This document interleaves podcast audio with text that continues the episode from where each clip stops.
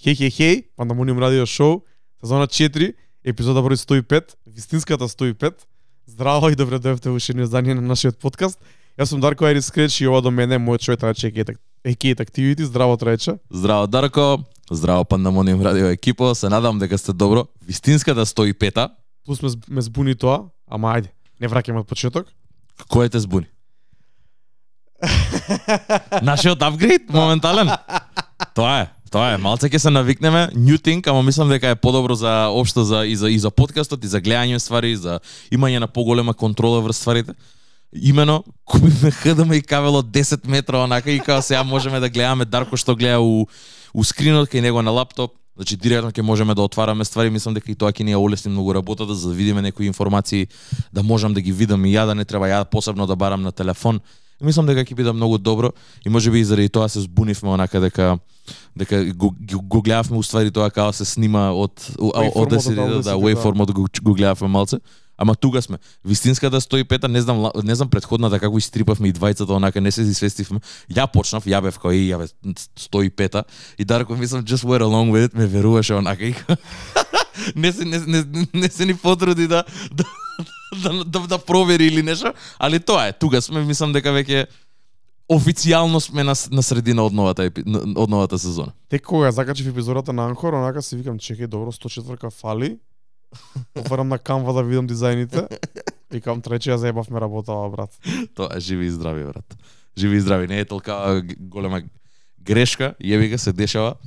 А, на крајот на денот 105 се, се наброи, не се малце и многу беше полесно као 60, 90, веќе устотките е малце позади, не, не, се ни заеба. Као дека скоро се ко нова, брат. Ако ново е, брат, искрено и после толку епизоди онака, последниве неколку недели нафатија неколку киксови. Се надам дека ова ќе истераме без кикси, ако го направив лош интро. Али не е битно, тука сме на Vultures Review. Први импресии, Yes. Vultures скетот конечно излезе.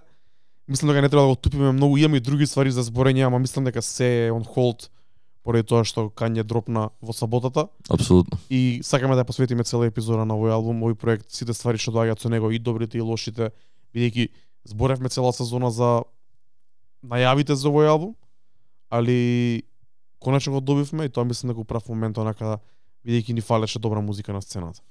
Апсолутно. И од друга страна, мило ми е дека конечно и го добивме албумот. Имаме наместо да збориме и наместо да сме да читаме цело време за ролаутот, за ликс, за глупости, конечно имаме музика официјална на DSP с која што ќе можеме да ја третираме кој што заслужува да биде третиране на артистко кање. Реално го правиме муавот.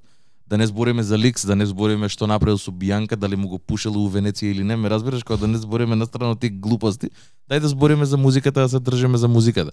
И мило ми е дека стигнавме до овде, Vultures One is out, и мислам дека као не сме не сме дефинитивно лейт, пошто ова е скеджулот, као денес е вторник, овоното искочи у, у сабота.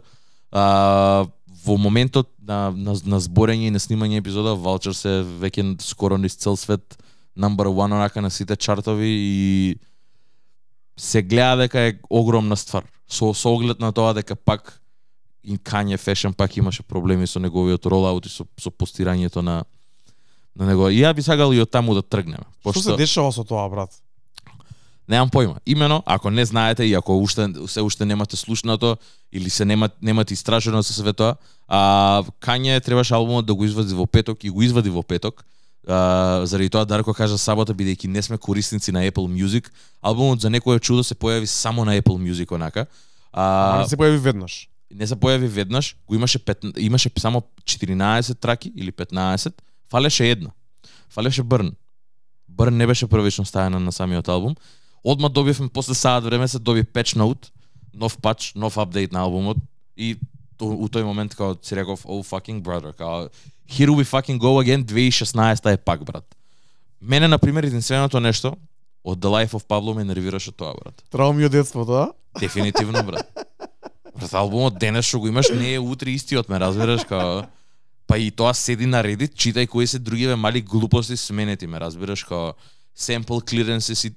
Тоа многу покажува за како артист, као во форма на од продукцијска гледна точка, од стварите колку не ги средоја у позадина, у смисла као клиренсес и такви некои работи, кои не се досредени, работи кои не се додоговорени и сигурен сум дека има и причина зошто албумот не бил изведен и толку каснел на други DSPs него ли само на Apple.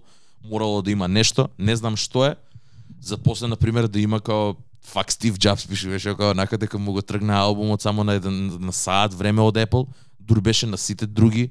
Имаше апдейт на самиот кавер, имаше има, имаше таа белата маска, а после тоа се смени у црна.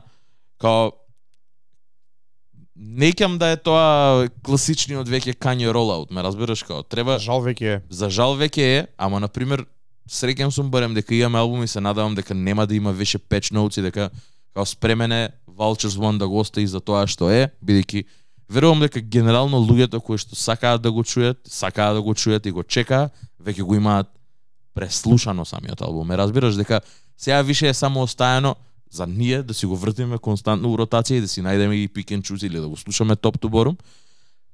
И за други луѓе кои што и не се примерно кање фалмо кање, фа, кање фанови, тај Dolla Сайн фанови, да го чујат албумот и да го откријат за тоа што е. Ме разбираш? Као у смисла, сега веќе е остаен. Као ние реално тие луѓе кои што требаше да го чујат ги направија бројките у три дена. Сверувам дека сите барем конкретно и кај нас, гледајќи тоа што се збори на Дискорд, многу луѓе многу пати го имаат цвртено. И ќе збориме за тоа. Но примерно, сакам овде да останеме, не знам што беше тоа, ама Apple Music се појави прво 15 траги, после се појави Burn и тука нешто имаше глупости, постови, едно друго кање, као го терако И не знам тоа дали додава или одзема. бе. Пушташе само пет песни, ба според тоа што пишува луѓето кај нас на Дискорд, што имаат Apple Music, пушташе пет песни, па после немаше.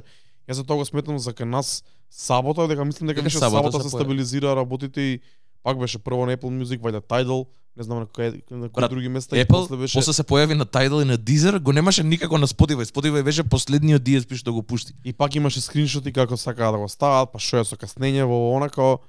Не знам, мене тоа не ми се свига и мислам дека свативме дека сваќаме више дека тоа е начинот на кој што Кање води музиката, окей. Од една страна ќе си кажеш иноватор е, прогресивен е, ги користи предностите на новите технологии да може кога сака да поста става музика или да ја менува музиката што е ставена, што држи вода и тоа до негде, ама мислам дека убаво го кажа ти тоа дека треба да остане во албум конкретно сега за тоа што е, посебно и со каверот, добро го смени каверот, мене искрено со црната маска поише ми се свига ако треба Мене да ми е бирам. Имаше реакции за каверот бидејќи во текот на е, целиот ролаут на сите снипети, сите лайв шоус постоеше малце поинаква естетика и луѓето претпоставам дека дека очекува малце поинаков кавер. Мене искрено каверот ми се свига и мислам дека Па, одговара подобар со... репрезент за тоа што албумот е. У смисла као сликата од тој- Бурзум као не не не припаѓа од у албумов што го добивме. Пошто Vultures One темата е сосема поинаква, као најчето се збори за за тоа што е на сликата, ме разбираш, као the infatuation of sex и као од, од, од, од спротивниот пол. У, у случајот на, на тај Дола Сайн и на Kanye West, тоа е генералната тема, ама да бурзуме лик кој што као не би го ни изборал, ама е многу контроверзен као човек кој што има правено да се и свашта, као кој што е, е многу далечен од Kanye и као многу е контроверзен за стварите што ги има правено, ама вака ми е боле дека ми има пуба смисла. Тоа ми немаше смисла, тоа беше поише направено за да се извади само некаква реакција од луѓе, за да биде провокативно за луѓе да зборат за тоа. Што и е на крајот на денот и е Kanye in itself. Uh, ама да, Spotify, ја би рекол, мислам, сабота е, е официјалниот ден и за мене која искочи, бидејќи uh, го слушавме у сабота, го слушав сабота са Бајле, онага се разбуди со албумот и беше добро. Ама веќе луѓе збореа кај нас у Дискорд и јас се држев настрана од тоа. Ама ми требаше некој да ме потикне онака да го Не, не, гледај, ако, ако не се лажам и Дон да излезе во недела, тогаш беше, добро исто така ме фати оф гард, не бев спремен да го слушам албумот и морам уште една ствар да напоменам само пред да почнеме со зборење за албумот, за првите реакции, слично као многу ме изнервираат и тогаш, а сега уште повеќе, тоа што не беше добро е, скоцкан и поставен на Spotify со сите фичерс и со, и со сите други работи. Кога албумот има толку многу фичерс и толку многу ти зависи од луѓето кои ти гостуваат на него, мора да ги ставиш, односно би требало да ги ставиш на Spotify да знаеме ние што слушаме и да добијат и самите артисти шајн. Не е дека нема да ги препознаеме или нема да ги осетиме, иако во неколку случаи беше така, ама мислам дека само вадење така на албумот во случајот со Дон да беше само црниот кавер наредени 25 песни, само Kanye West пишува на нив сите со големи букви, као да, знам дека е различно, знам дека е нешто што е као еве за Kanye го прави, нешто преме ново и различно сите други. Ама кога албумот има толку многу фичерс и толку многу онака влијани од нив, Мгм. мислам дека треба да стојат таму. Да. Се уште не се таму, мислам дека нема ни да ги стаи, ама за мене тоа е голем минус, може би сум ја по традиционалист у поглед на тоа како како треба да изгледа стилизи, стилизирањето на трак листата и како како албумот изгледа на на Spotify и на сите други стриминг платформи. Имаме зборено и ја и ти за ова, ти си љубител на она уникатен начин на пишување на насловите на песните и слично, ама Немам проблем со тоа. денешно време мислам дека на Spotify треба да се има еден унифициран, иако више нема никаков ред бидејќи некои артисти ги ставаат all caps, некои артисти ги ставаат со големи мали кои што треба да биде, некои ги ставаат само мали, некои ги ставаат како им текне една песна ваква, една песна таква. И според мене само се прави поголем хаос бидејќи нема не, не е убаво, не е убаво, не е прегледно и нема нема некој ред на, на, на стриминг платформи да го ги пуштиш на плейлиста да течат стварите, сите имаат различен тип на наслов, па да не збориме некои кои што имаат а, доларче, јен а, символ во овој случај што на пример не се ни појави тоа на Spotify како појави. артист, како Да, посебно да. како дуо. Си ги пишува Kanye West and Значи, Tidal многу Sign. хаотично е брат. За, за мене е хаотично и не е конзистентно со тоа што се промовираше у последниве неколку месеци. Не дека ја бев вклучен во тој ролаут, ама како што јас знам, тоа е под ново дуо со наслов доларче Да, и YS. YS уствари, да, јен и Да. да. И долар и sign. долар сайн. Така да тоа е не ми се свија. Да разбирам. И Види, не сум поборник. стилизирање, стилизирање а, музика и песни и насловите, одреден пи, начин на пишување на самите наслови на песни е една ствар, ама би, можам да се сложам со тоа што тие фичерс кои што исто исто така се многу круцијални за самиот албум, се многу битни. А, треба да бидат кредитирани. Знам дека и Тревис Скот го има правено тоа, Kanye го прави исто така тоа. Како има правено Тревис Скот тоа? Тревис мислам дека го има правено на родио брат, има ства, има има фичерс кои што ги нема пишано на пример. Гледај, Frank Ocean го има правено. Гледај, окей, да имаш ти фора, да имаш некој hidden feature, тоа е уште на или да имаш hidden track дури. Значи тоа се има Бионс случувано- исто така го има тоа правено, ама ме разбираш као работава е дека овде е апло апло стаено онака кај што луѓе имаат verses and verses, као зборам Frank Ocean, зборам дека Бионс ја нема стаено на White Ferrari.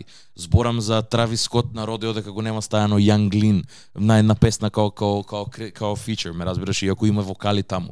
За такви ствари зборам кои што се hidden, кој што викаш. Овие не се hidden, брат, овие се in plain sight. Ја прават песната, го прават албумот тоа што е. на многу места И заради почнуваат први на И самите заради песни. тоа, и заради тоа, да, и заради тоа од тој аспект би би сагал да да биде стајани онака бидејќи Ка од друга страна пак гледам за тие луѓе на пример кои што не биле дел од ролаутот и не знаеле сега на пример ја благодарение на кај нас на Дискорд као реално и дека се зачитав последниве три дена од петокот кога бев дел од конверзацијата не слушав пошто немав каде и се реков окей ќе абстинирам нема да инсталирам Apple Music сега брат не го правам тоа али ќе чекам утре ќе се појави секако.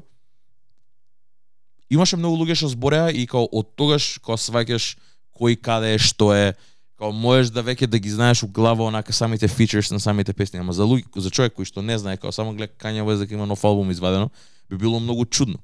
Од друга страна, а, тоа го тоа тоа тоа, тоа делува и на самата интрига на самата интрига од а, она, од самиот албум каде што на крајот на денот ти сега не знам, го пуштам албумот топ ту бором и онака се изненадувам кој се биде на самиот албум. Ме разбираш? Има две страни на таа приказна, ама ја разберам и твојата поента, ја поише се поише идам кон твоето за да знам што очекувам на пример и како да можам да си го пуштам, не дека ќе ја гледам активно трак листа да го сам кидам на Genius кај што се пише ни сите.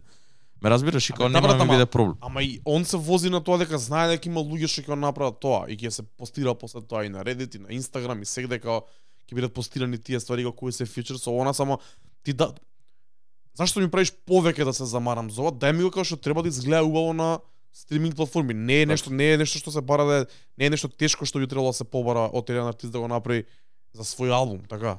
Да, Не е one дефинитивно. of single, не е SoundCloud leak, не е дај ми го дај, барем артистите кои кои настапуваат таму бидејќи таков та- таков изгледот на Spotify. дава само арти, артистите кои кои настапуваат, да не збориме за продуцентите. Да, да, да. Да, Да, не тоа знам дали се да кредитирани во Spotify на кредит, само па види, и да идеш у нема. кредитс, на пример, у writing credits, ке е нивното government name, што е сега ја на Фреди Гипс, не знам како се вика Фреди Гипс, ме разбираш, као нема да го пишува како Фреди Гипс, брат. Да, ма така мислам да ги пишуваат традиционално од секогаш ко се- посебно за writing credits мислам да се пишуваат име и презиме, не знам зашто е тоа така. Немам појма, не знам. А како и да е, мислам дека мислам дека на крајот на денот треба да бидеме благодарни дека добивме воопшто некој албум и мило ми е дека ете, гледам и Кање на пример тоа што постира како среќине дека Јел, и, и, за него и, и за него е тоа на еден начин и победа дека самиот албум е аут а, дека конечно успеа да извади да извади вакво и дека има таква реакција од луѓе. Реално реакцијата е нормна. Ја немам ништо видено друго на мојот фид освен Vultures како сите подкасти, сите мюзик, дури и луѓето кои што не ќе да зборат за него, мораше да зборат за него. И а, се гледа дека е као енормно, ме разбираш дека е big thing, дека кај има извадено албум, дека everybody's tuned in, сите го слушаат, сите го дисектираат. А и нормално и тоа треба и да се очекува од еден артист кој Кање, ме разбираш. Еден од најголемите на сите времиња, Апсолутно. без разлика на жанр и на ера. Дефинитивно, дефинитивно. Кажи ми, еве, пошто ти прв го прв, прв го преслуша самиот албум, имаш прича и ме потикна на еден начин као утре са вајле кога ќе станам да го чујам. Кажи ни, пошто ми пишал ние на време, ја уште не бев легнал, као беше 2 и 2 2 сата Чекај, фајле. чекај, чекај, чекај. Чекај брат. Значи, сабота се пишува активно на Дискорд онака луѓе Сабота беше? Сабота е тоа. Сабота е тоа? Да. Добро. Пишуваат луѓе активно на Дискорд, први импресии, тие што имаат Apple Music, тие што влегува на Tidal за да го слушаат, тие што направи Apple Music да го слушаат, пишуваат. Јас само не не, не ни сакав да читам.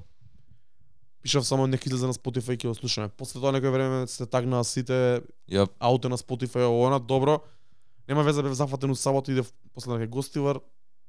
Пуштав музика у гостивар вечерта и више знаев дека албумот постои дека е тука, онака и У гостивар при крајот ја пуштив песната Vultures да видам баш дали ќе извади некоја реакција од младите луѓе кои беа таму. Ќе зборим малце покасно за тоа. Добро, нема везе, си викам, тргам на кај Скопје сега. Ќе го пуштам цел тап ту барам да го преслушам да видам што ќе- што ќе добија. Бидејќи прошли пат кога се враќав од гостивар се навратив на еден од првите микстейпи на Lil Baby, немајте ме факите за збор како се вика. Кај што има, кај што има фристайл, кај што почнува со Турет Тап. И онака се подсетив на еден многу солиден проект на Lil Baby, еден од оние проекти кои го ставија на мапата уште пред големите хитови. И така да добар момент ми е така некад кога се враќам на вечер само кола по автопат, кога лесно Да, се да. вози патот да да преслушам нова музика и посебно ваков албум тап ту барам да го да го чујам. И кога го пуштам, тргам од Костивар, автопат си пичам, си го слушам, онака и добро, ми беше малку сумнив на почеток, али како поминуваше време, онака викам добро, добро, како како како возам и- и како проаѓа време, ми звучи се боле и боле, и онака стигам више тука кај Сарај. Гледам трак листата уште 6-7 песни, ми викам нема шанси, морам да го преслушам цел. Да не скочам од мудот и продолжив по обиколница, брат. Цепам по обиколница, сега возам и Скопје север. Да, да. И слушам Kanye Vultures, брат, и тука, и тука влагаат за мене најдобрите песни од албумот.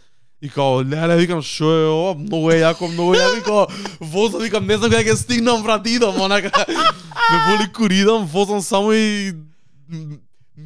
Спид лимитот, спид лимитот се поштоe. Да, да, да, се разбира, не ни толку Не беше брзо, не беше такво возење, тоа сакам да кажам као. Не, нема, знаеш, Културно возење, ама хајпање онака од Имаше музика. ја. кола, брат, по, по пат. Кој да има 2 саат са вајле. брат. нешо, патот а, гостивар вакво, после на обиколница, две-три коли си возам у десна лента, онака 100, 100 110, 120 појма немам и као, ама сум тотално внесен во албумот, дека нема ништо пред мене не се дешава, Да, темница Zoned е- out, брат, да. Буквално. Имав многу добар listening experience, што мислам дека ми ми ми помогна да го сетам албумот како што треба на првото слушање и после тоа ме закачи уште уште, уште толку.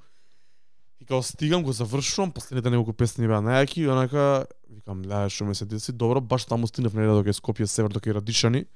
Се качив на ваквото, се враќам. Усреди тука удрија нај последните песни, баш се сеќавам кога се вратив кога се вратив на на Дважњаков почнав на а, со Крис Браун. А, Beg forgiveness, okay? Beg Forgiveness, точно. Да. Се враќам назад, влагам у Скопје пак од кај Ѓорче таму и си викам и баш тука заврши си викам леле колку добар албум. Ги вратив последните неколку пати, последните песни неколку пати, дојав дома, се раскомотив и тука одма пишав на Дискорд. Први импресии пишав на Дискорд и онака сабота вечер многу луѓе беа будни, некој искочен, некој пивнат, некој Сите беа да. будни, брат, онака како Никола пишуваше од клик Да, пишуваше. тоа да ти кажам, кога знам како е дека знаеш на сабота вечере секој Да, да, кој да, што да, да. прави како прави негово си, онака ама сите тука се најдовме и мислам дека ја го стартнав пак тој му дека се пишуваше ден што се Сепак беше два ама саат са бајле на крајот на денот. Беше да. нешто и као први дав мои многу кратки први импресии за самиот проект. И тука влеговме многу јако. И сега се седам ке баба Марта брат, се пуштам на звучникот. Последните две-три песни ми, ми се најбољи, ги пуштам на репит и викам И онака многу се хајпнав. Плюс дека зборевме на Дискорд. Јеп. Викам, Страшно. викам не ми се спие брат, нема шанси. Го пуштам уште на почеток. Тоа е тоа, брат. Друг сетинг, темница, малце светло, легнат на телефон, водичка од страна. Тоа е тоа, брат. ми се чуше еднаш албумот и викам стварно солиден проект на прво слушање. И тука се вклучи ти умовето и викам добро за, за денес тоа е тоа се легнувам. Конверзацијата мислам дека е тука не да заврши бидејќи беше више, више околу 4, али беше Да, доста да, да. активен Дискорд неколку сати. Се разбира, Дискордот е активен последниве 2-3 дена, 4 дена. Благодарност до Кање што ни даја проект за слушање и голема благодарност што ни го разбуди Дискордот и ги вклучи сите луѓе да да влезат во конверзација, да дадат свое мислење. Се почнаа после други муавети за мрчот за едно за друго, ќе збориме за се тоа, али тоа беа моите први, мојот прв listening experience и моите први импресии, онака како го осетив албумот, како ме удри добро на прва и како после тоа направи само да сакам подлабоко и подлабоко да влезам у него. Тоа е одличен начин како да се влезе. Мислам како на пример ја нешто слично имав со со Brand Fire со онака у Копенхаген сам слушалки на мене и шеташ брат. Не знаеш кај тераш, ама идеш вртиш и албумов тече у позадина и саундтрак ти е, ме разбираш на тоа што правиш ти е саундтрак. И тебе ти било така како вожња од Гостивар до Скопје, топ застануваш кај се- кај семафорине тие лошина на гости. Да, да, да. си врти карнивал у позадина. Јако, многу добро. Ја малце овој овој албум имав по друго она искуство у неделата прв пат станување са бајле, правев нешто доручаче овден, си го пуштив на Spotify и као без без без она ништо, пошто реално као ја морам нешто да напоменам и тоа го вчера пишав у Дискордот, уште првиот момент, првиот пат кога го завршив албумот, као луѓе треба да да пробаат да абстинираат од слушање на ликс, слушање на снипец, слушање на такви ствари бидејќи искуството на слушање на еден цел албум без да знаеш у што влагаш и без да знаеш кај отишол артистот е многу поубаво него ли и да, да го слушаш ко целина, кога он што го има испланирано, него ли да слушаш рандом снипец од по 30 секунди а, преку цела година да слушаш ликс и на, на Reddit и било каде. Ја немам ништо против тоа. А, имам против ликс, не треба да постојат, заради тоа се, се ликс, као лошо е само по себе, бидејќи го уништува го, го уништува искуството на и на фановите, а и на артистот реално, бидејќи тоа на крајот на денот е негово дело и некој му го ликнува за без пари, го става на вакво и као знаеме што може да се деси тоа дека Playboy карта има скрепнато цел албум кој што не го извади заради тоа, заради неговата фан база која што на крајот на денот викаат дека се фанови а го поддржуваат, а не идеш против него, ме разбираш, као лошо е тоа брат. Ама истото важи за, и, и за снипети на артисти, посебно снипети на Instagram Live, на TikTok, на било што као. Дефинитивно. И затоа верувам дека не треба да се учествува во тоа за да се добие како тоа цело искуство, бидејќи тогаш после кога ќе го добиеш како целосен продукт, мислам дека е многу поубаво, многу поискрено и многу по хард хитинг него ли тоа што веќе да знаеш како звучат повеќето од песните, ме разбираш како дури и на пример и малкуте ствари што ги имам чуено, онака како ќе пои винтаж кање и како ќе кликнам на тоа, ме разбираш, некој ми го пратил као у DM, брат, и ќе кликнам на тоа. Не се сеќавав толку многу. И на пример Burn, заради тоа ми е сега као ми имаше такво ме мавна многу јако, брат. Слушав неколку ревјуси на интернет чисто за да се спремиме за оваа епизода и многу луѓе го кажаа тоа, повеќето луѓе кои ги даваа ревјус кои се да речеме коментатори на на музика, на сцената, на културата на интернет од Америка, од целиот свет, онага сите беа како не слушавме снипети овој пат и многу беше добро што не го направивме тоа. И мислам дека тоа е правиот начин да наставаш вистински да уживаш, да уживаш во музиката, посебно вака. Така и ние стоиме за тоа додека додека албумот не е на Spotify, на Apple Music било како, додека не можеме ние да го чуеме официјално, не влагаме умовите за тоа, не сакаме општо да збориме за недовршени, неиздадени ствари, освен ако нешто нели е толку groundbreaking или толку чудно, али со Кање знаеме дека е тоа така и подобро да се абстинира од од е, преслушување и влагање indulging во тие ствари бидејќи долго трае многу често знае и да- знаат и стварите да не излезат оста, остануваш онака само као Нема, знаеш како? За, на пример, многу од многу од стварите се дешаваат каде што ќе бидат ликнати, по после ќе ти се свиѓа толку многу ликот што а, кога ќе он ја извади верзијата оригинална таа што ја а, бидејќи заради ликот официјалната мора да биде малку поразлична бидејќи он сака да ја смени, тебе нема да ти се свиѓа тебе ти се уништува искуството за песната. Доколку ако не си го чул ликот, ќе била таа оригиналната или можеби таа сега што е ќе ти се свиѓала поише него ли вако ме разбираш, кога ти го уништува самото искуство на абсорбирање на музиката и на конзумирање на самата музика за тоа што е од, та, од, од таму трегајки, кога ја се впуштив, се пуштив у албумов многу лесно, онака као овде на телевизор, Spotify, па плей и као почнав да правам доручек брат. Не гледав, не читав лирикс, не гледав кој е фичерд, ништо од тоа, као бев таму, се изолирав, се слушав, многу убаво ме возеше брат. Има многу убава вожња, многу убава продукција, многу интересна продукција. И онака на моменти фаќаш ствари ќе се насмеам, ќе си продолжиш да си правиш што и да си правиш, ме разбираш како такво е брат, такво искуство е.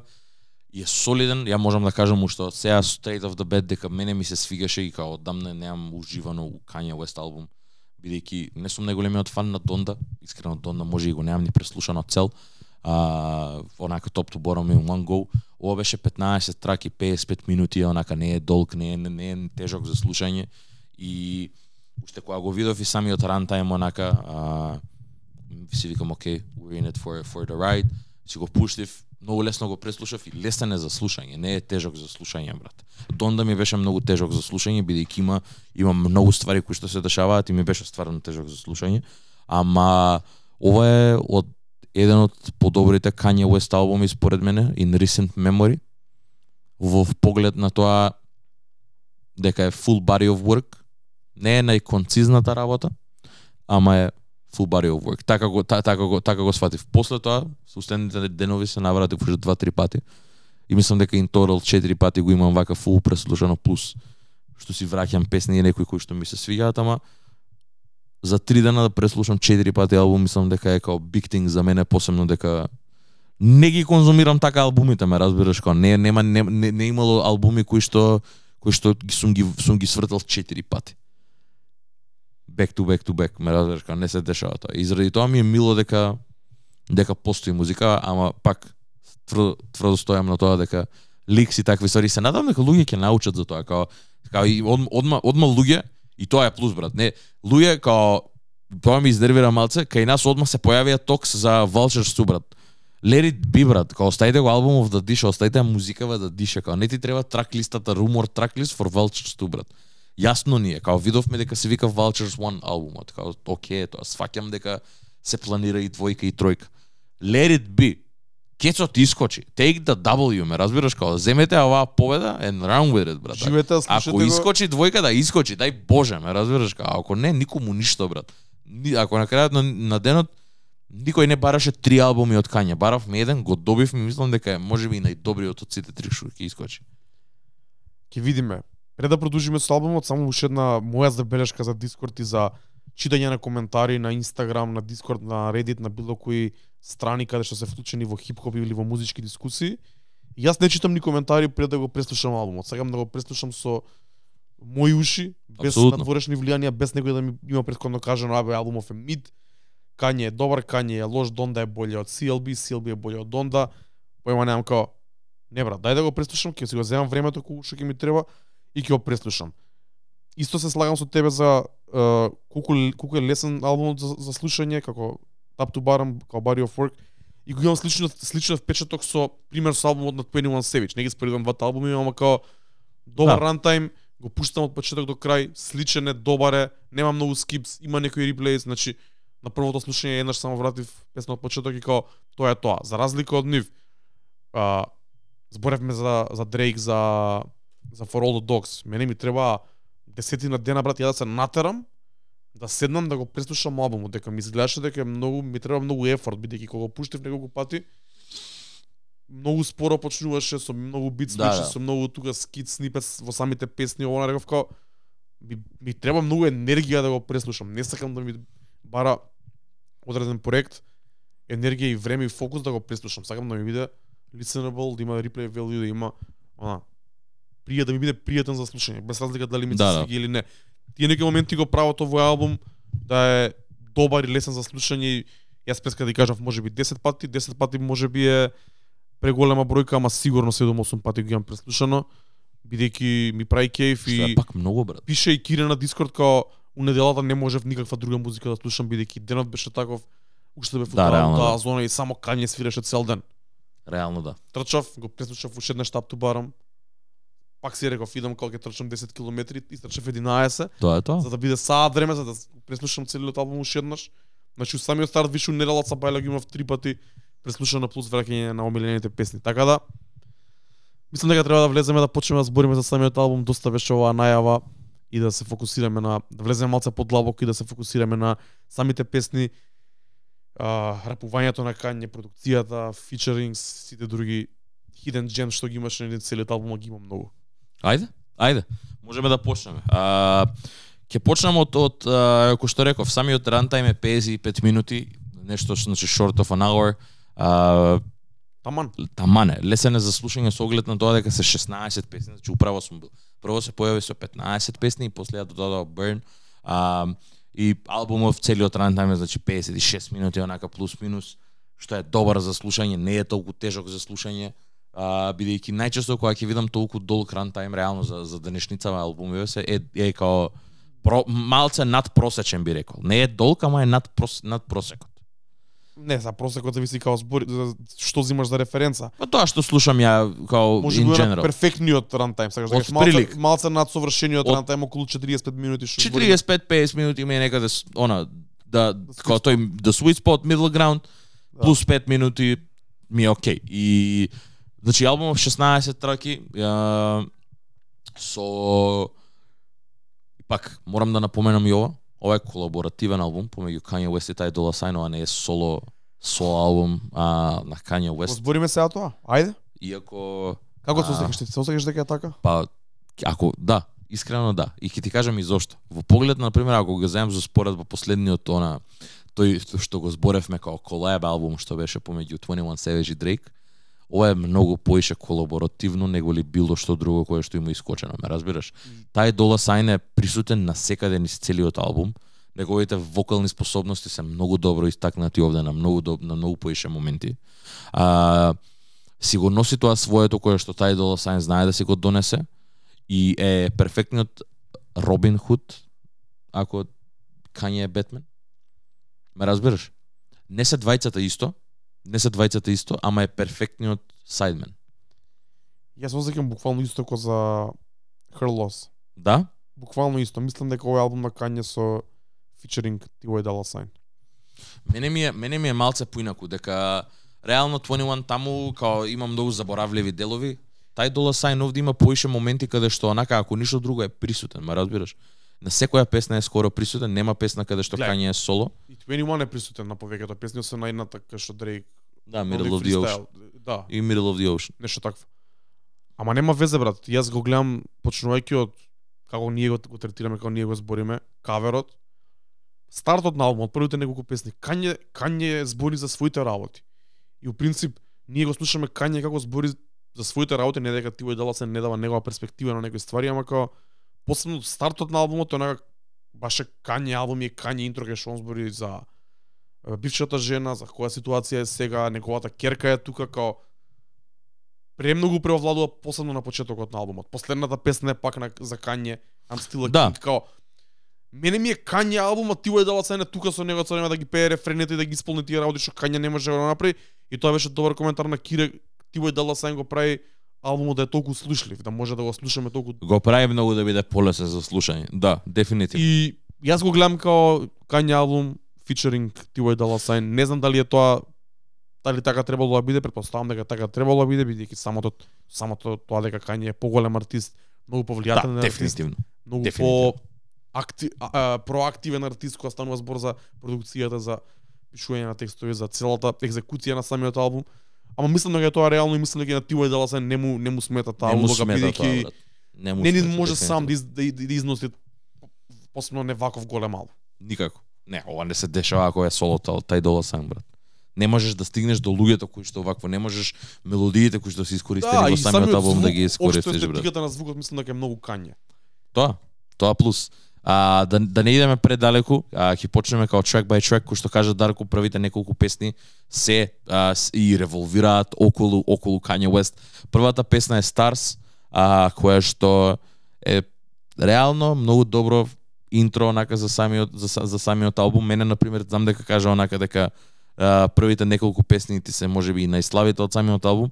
Мене на пример ми имаат онака како по сим, не сентиментално значење, ама усмисла као ми имаат ми, ми имаат в голема вредност дека као гледам дека се многу лични, интроспективни и ретроспективни, бидејќи а, ке, ке, ке те нема да те поправам, ама ќе додадам на тоа што го кажа. Во првите неколку песни е Talking, која што е нели со као делот кој што уствари највише се збори е да де делот на на North, на неговата керка, ама вториот дел од песната е као тај дола сайн песна каде што тој збори за неговата кирка Која што на пример па исто така многу дава длабочина кај кај што тој збори за за за, за уствари за врската со неговата кирка за кирката тоа што прави дека он сите истите глупости што ги правел, он ги прави и он, он влага многу длабоко и копа длабоко и си ја збори и неговата бидејќи го има и тој момент на татковство кај што двајцата се тат се, се татковци кај што имаат кирки и збора за тоа. И на пример тој момент ми е, ми е, ми е многу ударен, ме разбираш кога се поврзуваат на таков начин и можеби и врска. Ја, ја искрено мене ме многу чуди врската од кај ме брат. Зборам за тај Dolla Sign и Kanye West. Као знам дека имаат соработувано порано, знам дека и го е као Kanye продукција и све тоа, ама као како стигаш до до до, до да снимаш толку албум заедно брат? Как, како како почна е ова? Сигурно има добра лична конекција, брат. Не може. 100%, тоа сам да ти кажам 100% и мислам дека се збори и се збори некаде низ албумов, не знам на која песна, као дека дека тај Dolla Сајнс има појавено на некоја журка некаде и можеби нешто и така има спаркнало као у смисла као кога бев сам, као тај Dolla Сајн одигне никаде си има појавено и као бил тој човекот кој што седел до мене amidst all of things.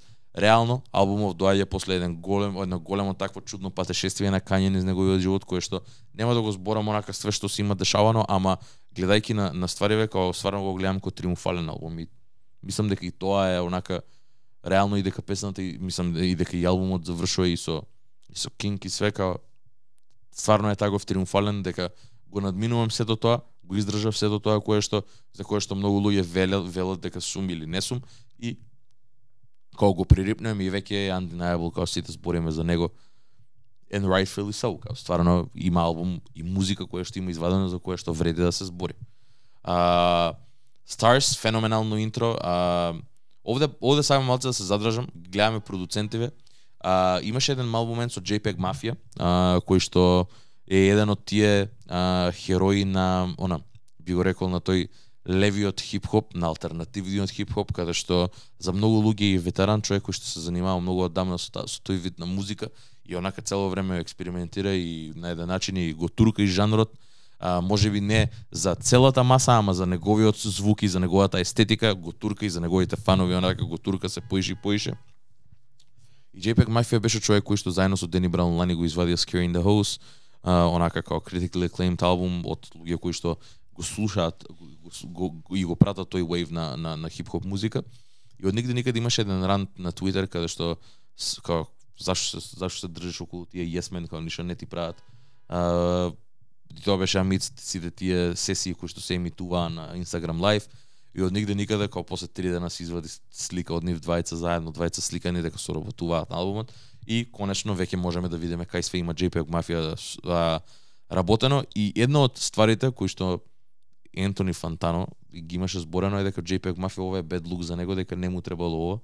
А, и дека не е добар пласман. Можам да се согласам со тоа, бидејќи овде продуктиски гледано е само гледа, се гледа дека има малце надавано на, на стварите кои што веќе постоеле, а не е дека земал нешто и направил скрос ново или дека тргнал песниве постоја сите само може би има сменато нешто у програмирањето на drums, драм секциите, видот на на кик или на снер, нешто такво некои мали она ствари кои што ги има сменато, кои што реално имаат до- имаат додаено на самиот албум, ама не е дека ништо не е stand, stand out од овде. И тоа ми е проблемот со самиот албум, брат. Освен the features, кои што на пример ги има малце, неколку, кои што можеш да нака да ги извадиш на страни да кажеш ова е добар фичер, се е многу испоизмешано, не се знае кој јаде, кој пие на албумов, брат.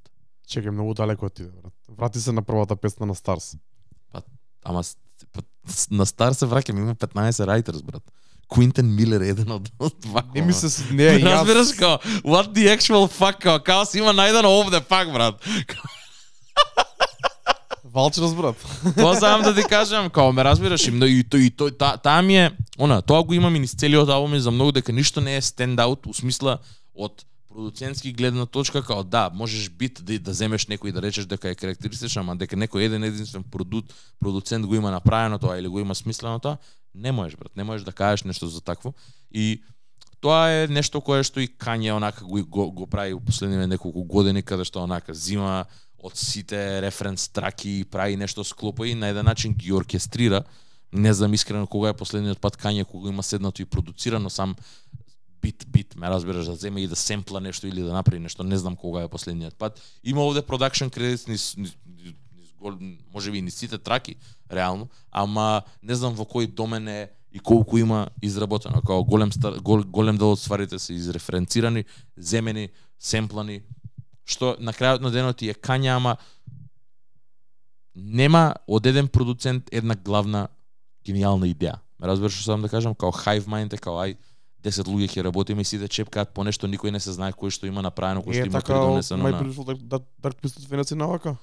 Па не знам дали дали од од од My, My, My Beautiful Dark Twisted Fantasy навака, ама а, па не би рекол брат, као Jesus беше многу по многу по она структурално вака се знаеше кој што се знаеше Хацун Мохок што се има направено, се знаеше Врджал дека го им некако беше по овде овде веќе ми е по на пример тие три албуми, четири албуми кои што ги изради по седум траки се знаеше дека е негова цела продукција, дека он продуцира за други луѓе. Поише се знаеше, ме разбираш, се овде веќе некако ми е измачкано, ама нема да нема да бегам, тоа е една она као го имаш имаш различни луѓе, луѓе кои што не ги ни знаеме онака како што све имаат, можеби само мелодијата, некои три ноти се од нив, па они се пишани овде на самиот во самите кредитс, али а, првата може да скролнаш малца, првата првата а, прв, првите тие четири песни кои што ги збориме со Дарко се Intro to Stars, Keys to My Life, Paid и Talking. Од овде, на пример, а, Stars ми се свиѓа многу, Paid исто така ми е она многу добра песна, мене ми се свиѓа, а, многу луѓе ќе ја споредат со кој што реков ego Death и со и со Fade, поише со Fade дека дека и, и самиот рефрен онака paid fade го има го има тој момент I'm just here to get paid тај тај долу сам го го повтара 15 пати на самиот рефрен тоа е усвари и рефренот ама мене ми беше добро брат мене ова ми се свиѓа мене paid ми се ми, ми, ми беше добра од аспект на дека е одма добиваме као нешто кое што е playable in the club у трета песна Не знам дали ќе биде, ќе видиме тоа ќе покаже времето.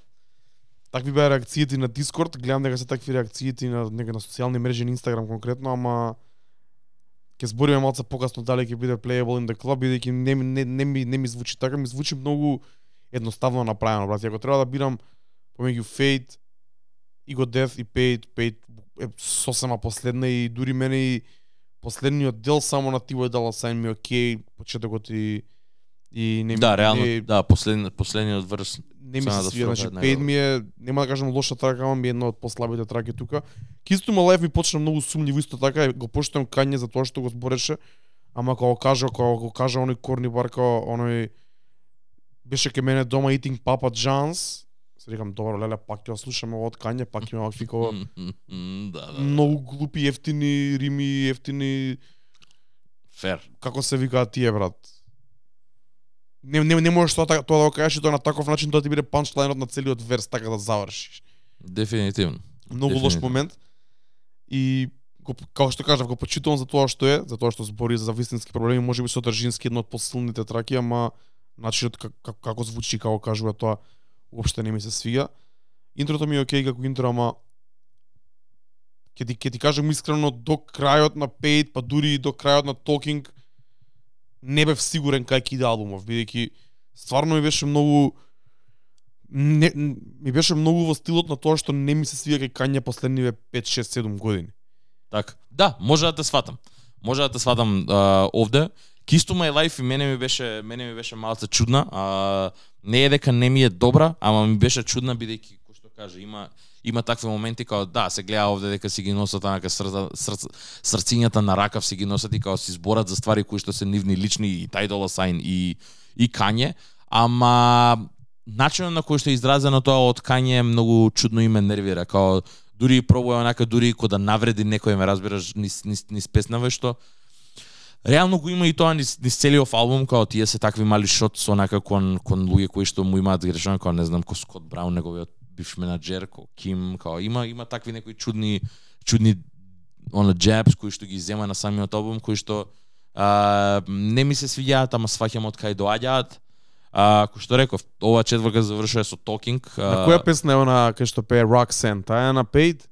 Мислам дека мислам дека е да, мислам дека е со да, со со тој семплот од од Roxanne, да. Е, семпл он го прего по пее. Мислам го пее, го пее, го интерполира, да. Не знам. Сварно ми е ми е слабо. Ме, мен искрено почетокот ми е многу слаб. Paid ќе ќе видиме што ќе се дешава со неа, ама не мислам дека ќе има тој потенцијал. И не бев сигурен кај да албумов у првите четири песни, наискрено ти кажу. Добро. Back to me беше онака песната која што која која што ти која што ти фати онака Back to me ја на пример искрено ја имав слушнато. Неверојатно тука некаде. Back to me ја имав слушнато бидејќи сите го збореа тој а, сите го збореа тој Freddie Gibbs verse каде што рапува многу онака и си ја рапува душата бидејќи и Freddie Gibbs као има има има цела ситуација која што му се деси со неговија со неговата девојка.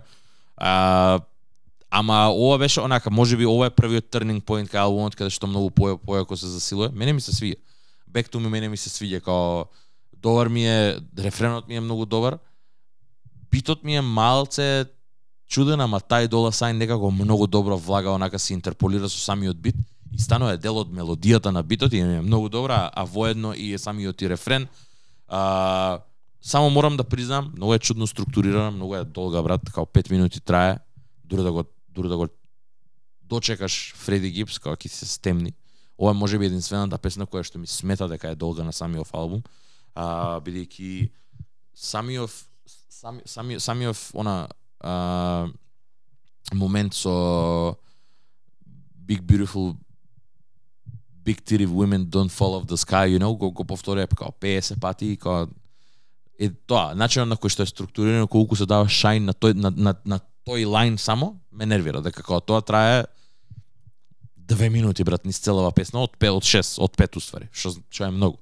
Така да дури да го дочекаш тој хайлајт уствари што е висински како Фреди Гипс, разбирам зошто е стаен на пример ко ко Рик Рос што е стаен на самиот крај на Devil in New Dress, овде е као покорни направено, ме разбираш, ја нема таа структура, мене не ми се свиѓа. Заради само заради тоа ме отфрла песната и онака како сакам да имам abridged version каде што ќе го нема тој вториот дел што е breakdownот каде што ќе го каде што го рапува тоа цело време кања кој што го повторува. Неколку hot takes ставен у еден. Ја мислам дека врсот на Фреди Гипс е толку добар, бидејќи претходните два се многу слаби. Исто така. Фреди, ова не е ништо нестандардно за Фреди Гипс. Фреди Гипс рапува вака цело време. Он кога доаѓа на песната, албумов застанува на нозе онака као добро. Да. Тука сме. Прво нешто што онака конкретно и што е што е добро и што стварно е направено да биде под наводници раперски, значи она конкретно е. Факт. Факт. Као што треба, без Факт. Пеење на кање на со пичу, со пич со пич на двојс, без пеење на Роксен, без повтарање на е, Friday Night You Нема гимикс. Paid. Преку Нема гимикс. чет- чет- Четири и пол песни е као. Ке- Керка му на кање, пеење на Роксен, зборање Папа Джанс глупости као онака врска нема брат. Да, да, гимики е све тоа, да. Ова е првиот момент каде што онака, да. Тоа е тоа. Слушаме музика, добро е, битот вози, добро е. Уште еден хат-тек. Мислам дека е предолг е неговиот верс. Ја ти кажам, Имате Ники Минаж и Рик Рос момент на као Да. фичерс на Да, да, да. на My Beautiful Да. Dark Twisted Fantasy. се разбирам, можам да повлек, да повлечам и ја паралели со тоа, ама работата е што не е ништо што не е стандардно за Фреди. Фреди можете да најдете онака како 15 10 минимум песни каде што рапува вака како да животот му зависи на тоа. Така да мислам дека не е толку ништо спектакуларно, ама спектакуларно е во поглед на самиот албум дека е единствениот кој што рапува, рапува на албумов цел. Као нема друг ваков ваков верс, нема ни- ниту еден друг фичер кој што Е, да. каде што каде што се рапува вака и мислам дека и заради тоа луѓе се толку изненадени бидејќи верувам и дека многу голем дел од луѓето кои што ќе го слушнат прв пат Фреди Гипс и него ни знаат Фреди Гипс зашто е, ме разбираш, него знаат Фреди онака. Многу луѓе ќе се запознаат со Фреди заради за- заради ова и е многу добар момент за Фреди, посебно и дека Рапо е така баш си го прави тоа што си го прави стандардно, ме разбираш. Не е дека отишол да бавен бијан као ај сега ќе ќе направам кој знае што, ќе направам 6-4 бара онака како ко Рикрос што има, ама ќе си го направам тоа што си треба, ќе го направам на мој начин, со мој флоу, И ова е најтрадиционалното што можеш да го добиеш од Фреди. Фреди бил многу по left field од ова, ама мислам дека ова е таман вистински репрезент за тоа што значи да си Фреди Гипс, како рапува Фреди Гипс, зашто збори Фреди Гипс, како се изразува Фреди Гипс. И мислам дека е многу добар момент, брат. И мислам дека да, можам да се сложам дека ова е првиот, ама и единствениот момент каде што некој вистински рапува, брат. Кање на Карнивал, ама ќе стигнеме до тоа. Добро, да. А шеста песна е Hood Rat. Поларизирачка песна, ја би рекол, Да. онака каде што онака ја имам дури микст ми- микст на mixed feelings за неа бидејќи а, и ми се свиѓа и на моменти ми е и досадна, онака ми е као Брат, песнава да беше стајана, значи да беше свичена редоследот на Back to Me и Худрет, мислам дека на Худрет ќе узе се албумот. така? 100% ти кажу. Дека ќе беа пет песни поред кај што ќе беше Да, онака да. како Што е? Шо вие, шо шо се дешава на албумов онака. Да, да. Мене ми е знаеш како? О, ова ова на пример покажува све што е лошо бидејќи Кање и тај Дола Сайн не се ни некои текстописци, реално. Кање никогаш не ни бил. Има добри one-liners, има добри моменти, ама тоа е дека е пак го носиме, го, си го носи тоа на грб дека е Кање Уест и сите тие ствари кои што ги има праено у животот, му каже си може да си дозволи да ги каже на едноставен начин и да биде добро и да звучи добро, бидејќи сите е- ние сите него и тоа е рап. Тоа е предност, ама тоа е предност Ама на, тоа е- тоа- на рапери тоа- што може да го кажат на едноставен начин што ќе допре директно до Ама и тоа е хип-хоп на еден начин, разбираш, кога не ти треба lyrical miracle spiritual за да кажеш нешто туку едноставно го имам правено тоа, можам да го кажам. Само што овде Ептен за, за- забегуваат као и што, тоа што го кажав уште на самиот почеток, тој тој infatuation with the opposite sex, зборам за жени, зборам за секс, зборам за а, зборам за љубов, love, lust, све тоа, као гучи, пучи, кримера, као по 40 години имате, ме разбираш? Мене не ми ти смета. Као, не, не, не, не ми смета, ама е преизразено. Преизразено е и заради тоа ми има смисла што жена му е свртана со гзот и, и ја има на каверот, а не е со бурзум каверот кој што нема Никаква никаква не му беше смисла. на неговата на, и уште е на неговите социјални мрежи у целиот овој ролаут, тој го зборевме ние пред неколку епизоди.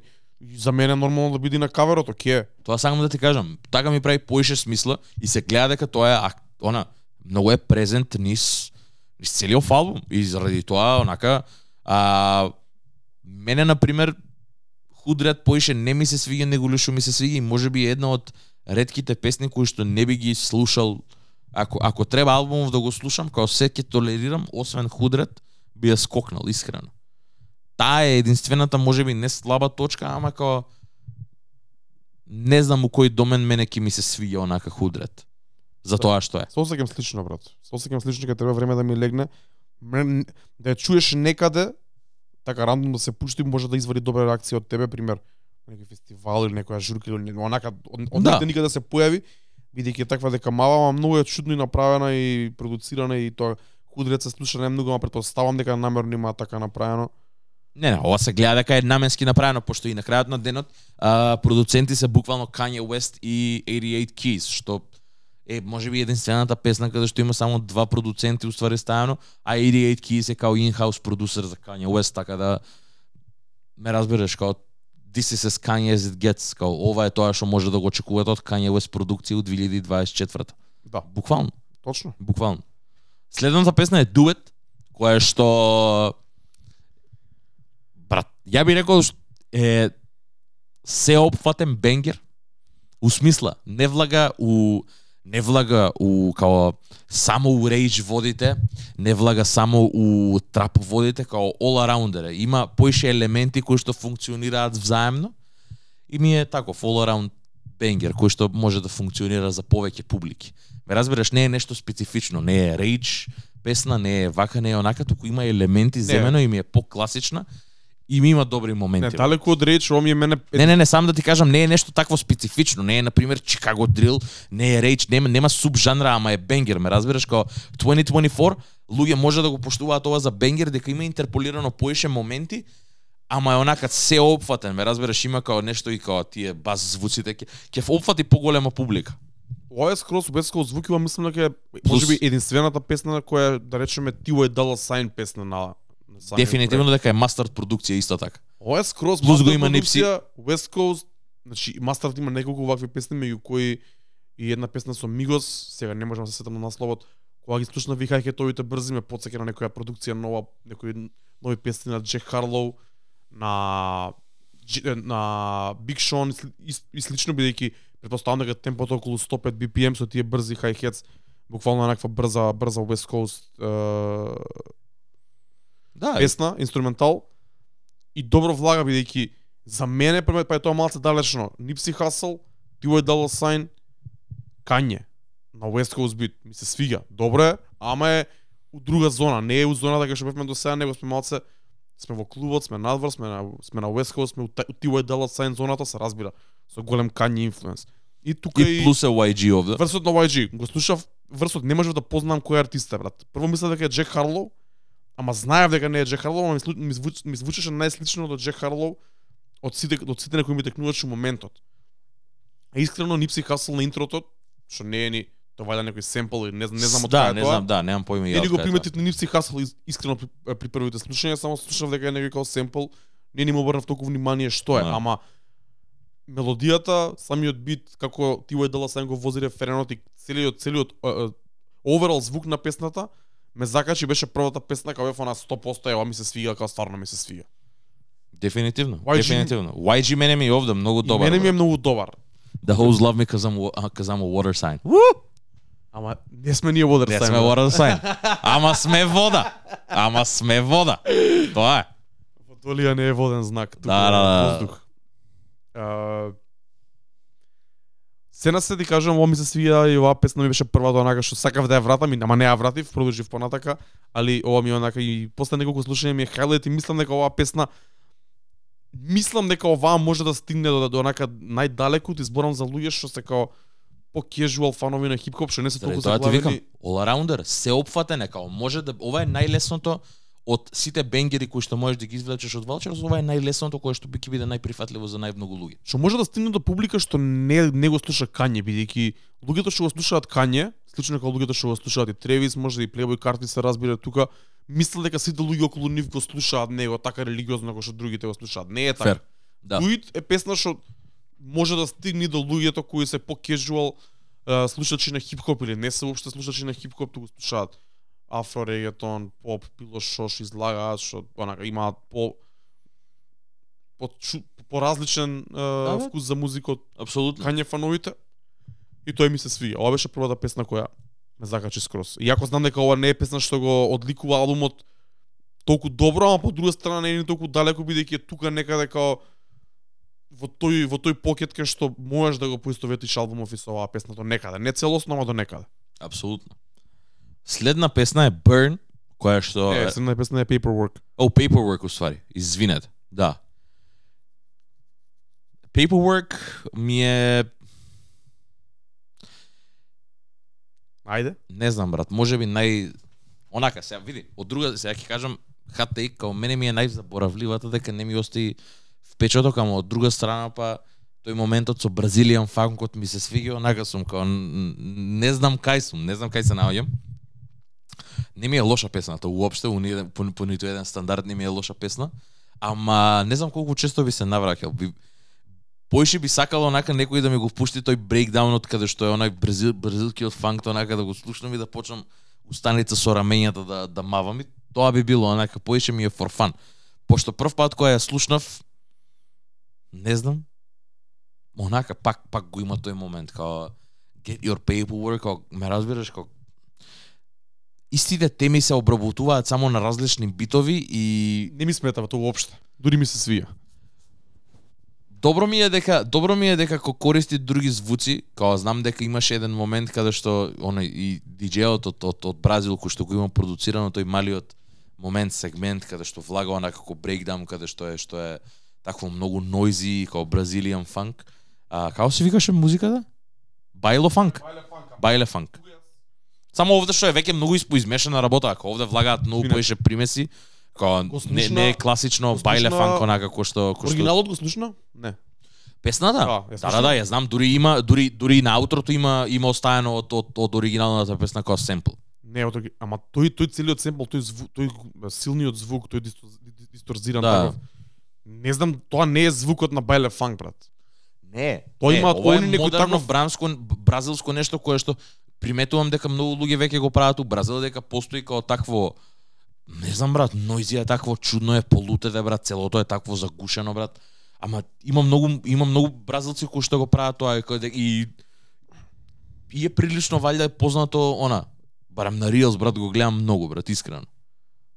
На Reels такви песни бразилци што имаш што возат точаци на едно тркало брат по Ама го горници. нема- Ама не е толку агресивен. Па не е толку агресивен, ама имам чуено такви агресивни ствари. Имам неколку неколку ствари чу, чуено кои што се такви агресивни и заради тоа, ама ми е јако, интересен звук.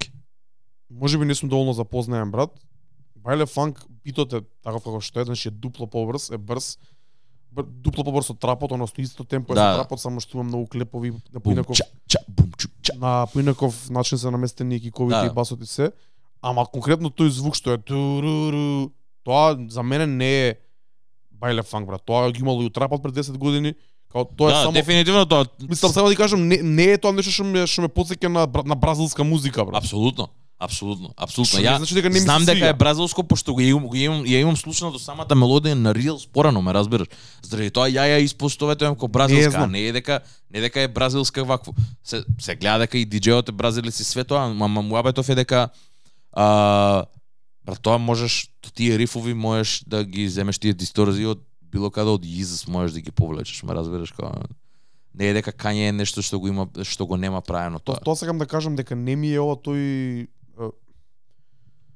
не знам не, не можам да ти не можам да ти опишам што, што сакам да кажам брат. Кога се каже браз, бајле фанк или бразилијан фанк или што и да е, тоа ново не за мене не звучи ова така.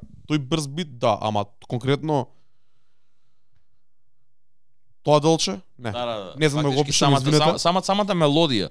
Не толку не толку бит патернот и вакво, туку самата мелодија дека не те потсеќа на да кои те сваќам. Ама мислам дека е многу поспецифично и мислам дека има има моменти кои што кои што постојат сега веќе во модерни и овие младиве бразилски продуценти кои што прават намерно прават таква лауд музика која што ја користат. Знам дека има и еден исто така кој што прави као спидранови со со бразилски битови, као се тестира цело време со тајмер колку за колку време може да направи и има правено вакво нешто слично кое што е такво многу нападно, многу гласно. Ама не знам, онака, добро ми е, ама на небрано сум. Не знам како се осеќам за за за за песна, ама не ми е лоша у ниеден случај, како добро ми е, ама не знам колку често би се навраќал на Да, неа. не знам ја кој ефект ќе ги има песнава, ама мислам дека мене ме потсеќа многу на моментот што Кање го направи на Jesus со Blood on the Leaves, кај што зема цел бит таков направен више од готова песна од Лунис, ги спомнавме прошли пат ако не се лажам, Хацур Мохав, Спомнивме, да. со со Хацур Мохавки Усери Хацур Мохавки Лунис Tonight. Тунајце другата. викаше дуото, Да. да. Од таму го зема тоа и тоа е на страна од семпелот Strange Fruit. Тоа се два, два, двата елементи кои ја прават таа песна. Сега оваа песна нема толку длабоко навлезено бидејќи не споредувам песна со Blood on the Leaves бидејќи Blood on the е една од најдобрите кање песни на сите времиња според мене Факт. и е цела приказна од самиот почеток до самиот крај со прогресија, со бит со два дропа, со е, спор дел, со семплот, со се останато, али со текстот, многу еден од исто најдобрите кање моменти. Али мене ме потсеќа на тој момент бидејќи сличен таков тип на звук имаат земено и пробале да направат нешто што е модерно, што мене ми е окей. Не знам кога ќе биде примената нова, ама шараут до Кање, што уште еднаш става на мапа артисти кои се познати можеби во својот жанр, во својот во својата бранша, ама Да. не се вака светски познати, баш се и се појави сторито од од самиот овој диџеј Витињо бит кој дури плачеше на стори од среќа. Да, едноставно дека не Така- се верува дека тоа ти си Да. има десено реално. И тоа е за, за респект. Ако не се лажам, песната имаше имаше 70.000 views на YouTube ја која отворив пред некој ден. Ако не се лажам, можеби сум грешка. Да, тоа тоа тоа гледав дека се појави и на а неговата усмисла. Да, да. Тоа е добро. Тоа е добро дека треба да се иде и таму и да се провери. Следна песна, девета, де, девета поред е Burn. А, песна која што е брат, сама по себе стои овде, брат. Сама по себе стои низ целава трак листа. Не е дека нема, значи кон крајот на кон крајот на албумот се појавуваат вакво нешто, ама ова не знам како да го опишам освен винтаж кање, што не значи дека е да олд кање, ама е као ја има старата енергија на кање каде што онака го гледаш тој вигор, таа енергија како збори, како рапуе, што рапуе, битот, селекцијата каква е, колку е едноставен битот и онака само е оставено да да рапува, рапува човеков. Многу ми се свија, брат. Штета што е минута и 50 на секунда. Да, почнувајќи од битот, одма те фаќа како пее ти дела се на интрото, односно рефренот, Многу добро. и после кање кога влага, ја дури се се зачуди, викам, чеки, чеки, што е ова, као, Да, да. буквално звучи кој да е земен верс Ова од беше- некое време, ама Ова беше првиот момент ја кога се навратив онака. Ова ме, ме натера вуп да се вратам пак да ја преслушам. дека е кратка. Дека е кратка. Не е доволно. Фали уште еден таков врз, брат. Фали уште еден кање врз. Кање да е толку стегнат, да е толку присвест, да е толку Да. свесен за работите што ги кажува и начинот на кој што го има целото деливери направено на на оваа песна е топ ноќе. Тоа не дека го не го сакаме Кање на Blood on the Leaves и на 808 and Heartbreak и на други места, ама овој Кање од 2005 што имаше едно меме као најдобри фичерс на албумов, Кање Кање од 2005. 2005 Реално и така е, Така е, бидејќи значи буквално Ама не, стварно, е- стварно е така, брат, дека као паднат од небо е овде, као скроз да ко, ко да влегол онака на момент на минута и пол влага у тој што бил пред 20 години. дефинитивно, брат. И си и кажува многу многу јаки ствари, брат, Да. као пос- посебно као као отвора со врсот. Тај долар сајн исто така е перфектен. Као тај долар сајн ова му е најакиот strong his strongest suit, ме разбираш, као ова е најдоброто, Да. ова е најдобро кај што влијае, брат, онак. И најдобро кај што влага, најдобра мелодија вади, Да. И заради тоа ти викам како многу добро го потпуна онака како е Робин на, на, на неговиот Бетмен, ме разбираш, како многу добро се поклопуваат бидејќи песнава без тај долар сајн немаше да биде тоа, искрено, како го прави да биде песнава не е ни за денсање, ме разбираш, ама тај долар сајн ја прави песнава да можеш да денсаш на неа, брат, кога пее. Да, да мрдаш да слушаш, да, точно. Ја ја разигрува, ме разбираш дека де- дека као уште уште кога влага кај влага со она Are you not entertained? Као, who's not entertained? But, као, во тоа све што имам истрпено, као ме гледате, ништо све проаѓам. Као, окей, да, разбирам дека ја имам правено глупости, ама за да ги правам тие глупости морам да имам причина зашто да ги правам, колку пари имам изгорено за да за да си ги тргнам тие ланци, као све тоа што го кажува на крајот на денот е неговата перспектива на стварите и го кажува многу лесно и многу едноставно. И се многу hard hitting, брат. И заради тоа мислам дека и песнава нака така ми остана печаток ми остави еден, као викам чекај, чекај, чекај, стоп, стоп, не идеш никаде, брат, дај уште еднаш, ме те молам, као. Песна и можам коментно да кажам нека ми е омилената од целиот албум, уште сега. Ова ми е омилената песна од целиот албум. Ова е песната која што најмногу ја слушам, ова е песната која што најмногу до- и дома онака кај као burning like a candle. Као нај, највише ми се свија брат, мелодија, текст, тоа што збори, кање, звукот, свет, све све све ми се свиѓа и мислам дека као е песната што ќе ми остане као мене хайлайт личен од самиот албум. Се слагам, мене, мене ми смета дека е многу кратка. Не ми е комплетна песна искрено. Да, А овој има Brand Fire си истиот момент со со со со двете песни на, на неговиот албум кои што се исто така најдобри, јас сум најкратки. Ко снипети. ова брат има потенцијал да биде и радио сингл, има не дека ќе го пушта радио во Америка, ама Да, има апсолутно. потенцијал да биде сингл, има потенцијал да ги има оној ај не homecoming момент, ама некој таков кање момент што е од таа ера негова, као кај што збори за негови ствари, добро се тоа звучи, има soulful sample, има добра мелодија, има добар рефрен. Брат плюс. Сливо ми е дека не е иск- не е искористен максималниот Не е потенцијал искористен. И така многу чудно завршува, кога не, кога не е довршена. Да, abruptly. А, плюс да не да не забораваме Кање уиграва 20 плюс години брат. Кање има фанови секакви. Од луѓе кои што се фанови на трилогијата прва, луѓе кои што го имаат фатено од Jesus, луѓе кои што го имаат фатено од Jesus is King, ме разбираш кога не смее тоа да се изостави брат. Тоа за многу луѓе ќе биде хајлајт на самиот албум бидејќи не е само да old Kanye, ме разбираш, тука едноставно као ова е ова го енкапсулира тоа што све Kanye го прави да биде тоа што е. Бар не таква песна, брат. Да, не све, ама да. Едно, Брне, едно б- лице на Кање, да. Да, дефинитивно. И као мене заради тоа многу ми свиѓа и нема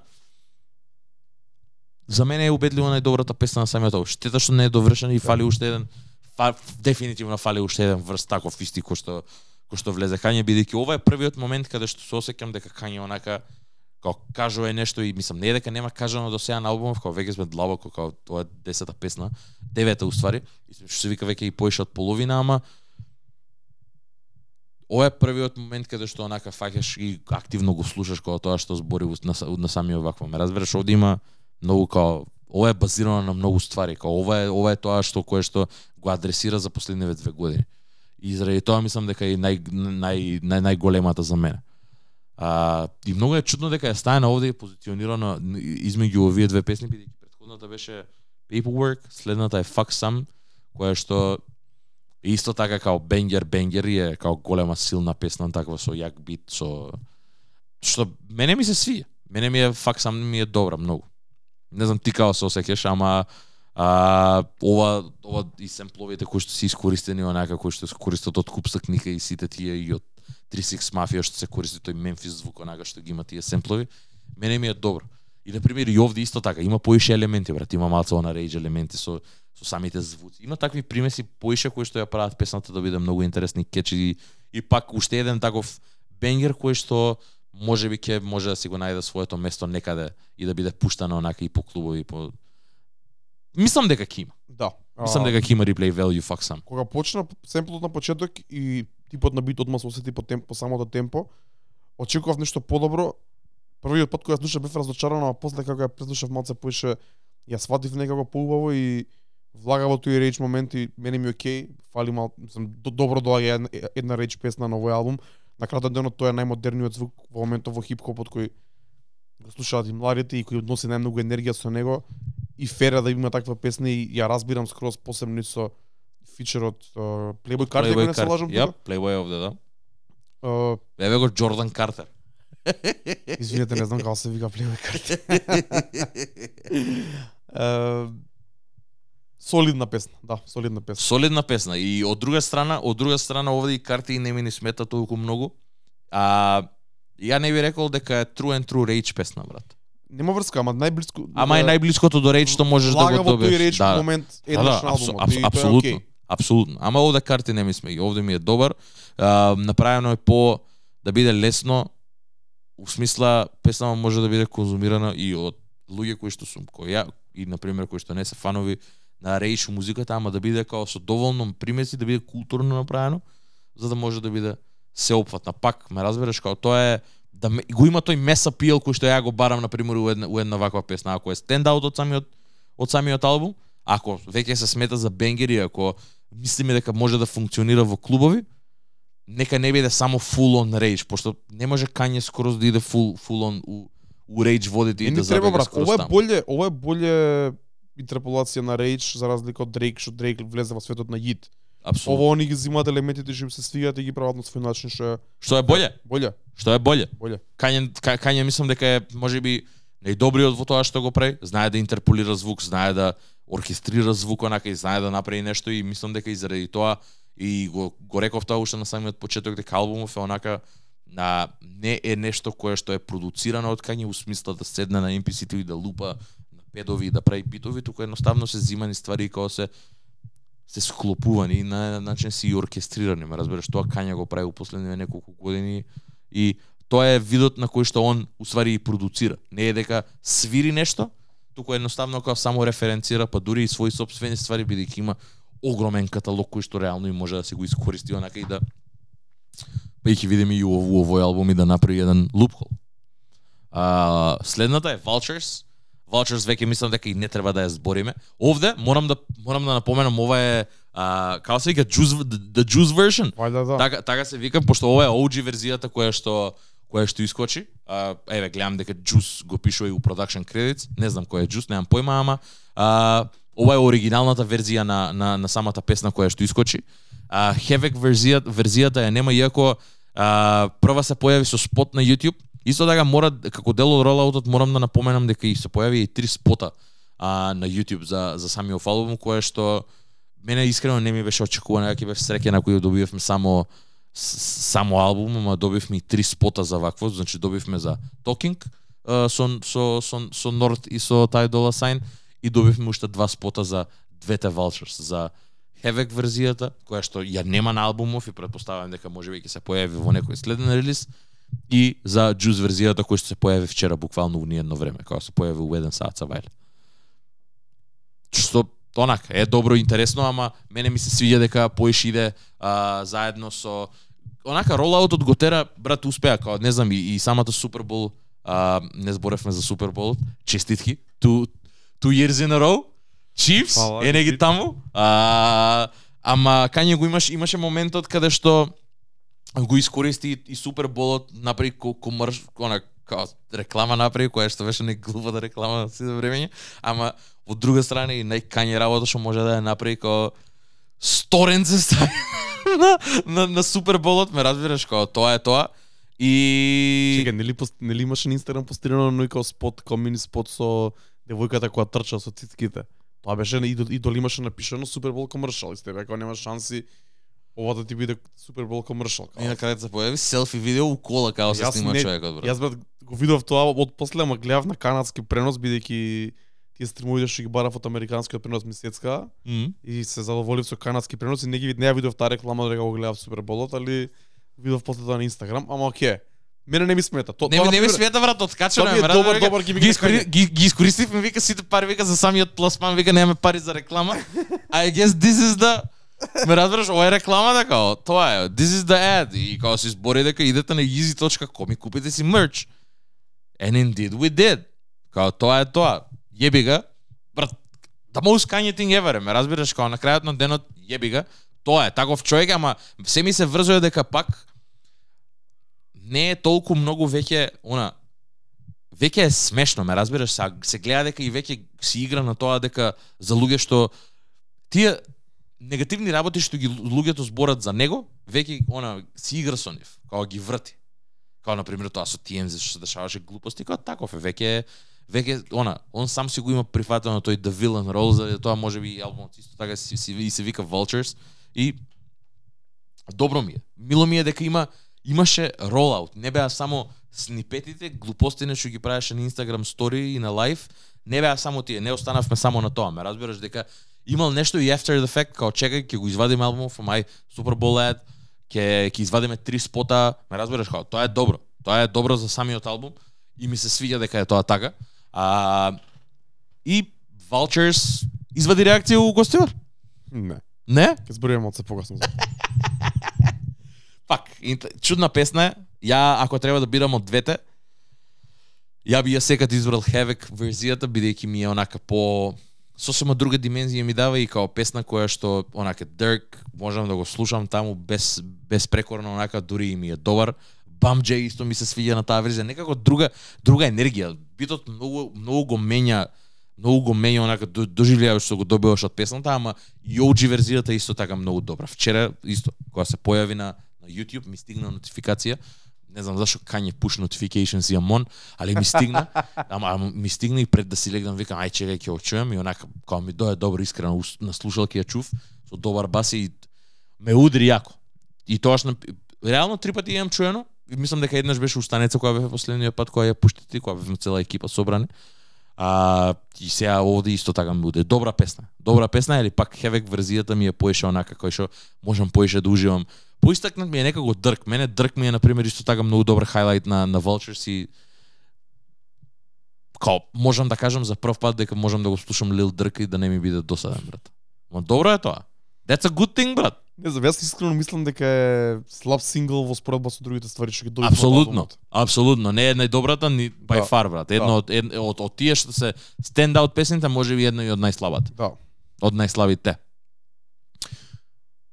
Веќе кога сме веќе кај кај тие што се стендаут со овде и Carnival, а кое што мислам дека кај многу луѓе и кај најмладите онака мислам дека ќе остане најголем впечаток, као мислам дека ова ова се ова е тоа кое што онака луѓето као и, и, и фановите кои што највише ќе го ќе, го слушаат и највише ќе ќе гравитираат ко а искрен ќе бидам ова ми е многу јака мене песна брат. Као и чантот, и семплот, и хорот, и као влагаат цитар, што прават, карти ми се свиѓа исто така овде, иако на песната кај што не требаше да рапуе, одлучи да рапуе, а, ама ми се свиѓа.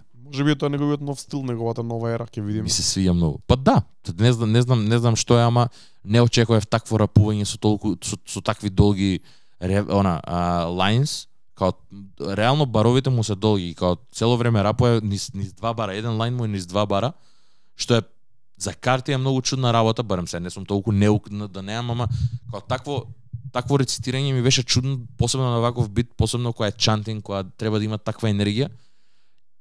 Ама е добра ствар. На сепак на крајот на денот мислам дека карти и тој тој тој врз за кој што збораме на крајот, тој првиот не е таков, ама тој последниот е таков кој што збораме на кај што одлучува да рапуе, рапуе.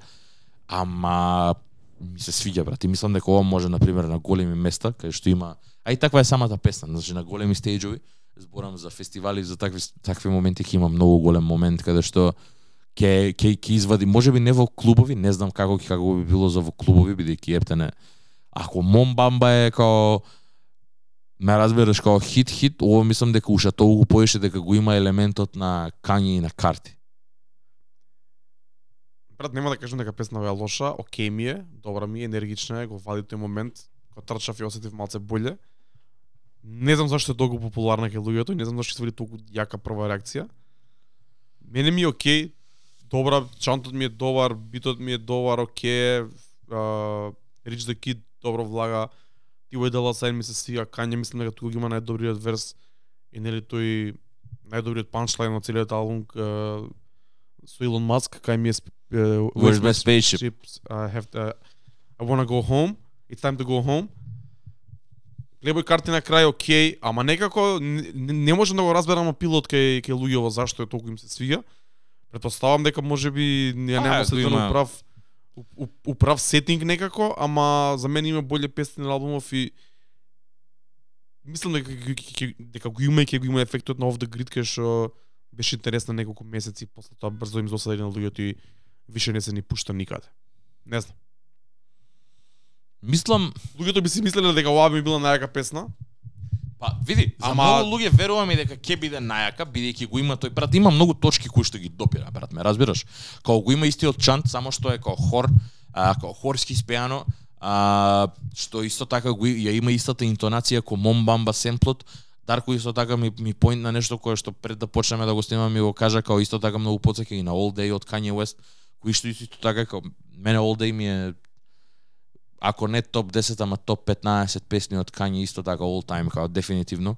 А, има такви моменти кои што онака ти се свиѓаат тоа што велам као брна кој едното лице кој што викаш, као ова е другото лице на Kanye кој што ми се свиѓа каде што може да извади ваква триумфална песна, ја би ја нарекол триумфална, ме разбираш као ту chanting music е брат, као можеш стварно да се изгубиш и да збеснеш као мислам дека дури ја ако го чујам ова на голем стејдж би сакал да ќе ме натера да скокам, сигурен сум као да да да, да урлам да вриштам брат.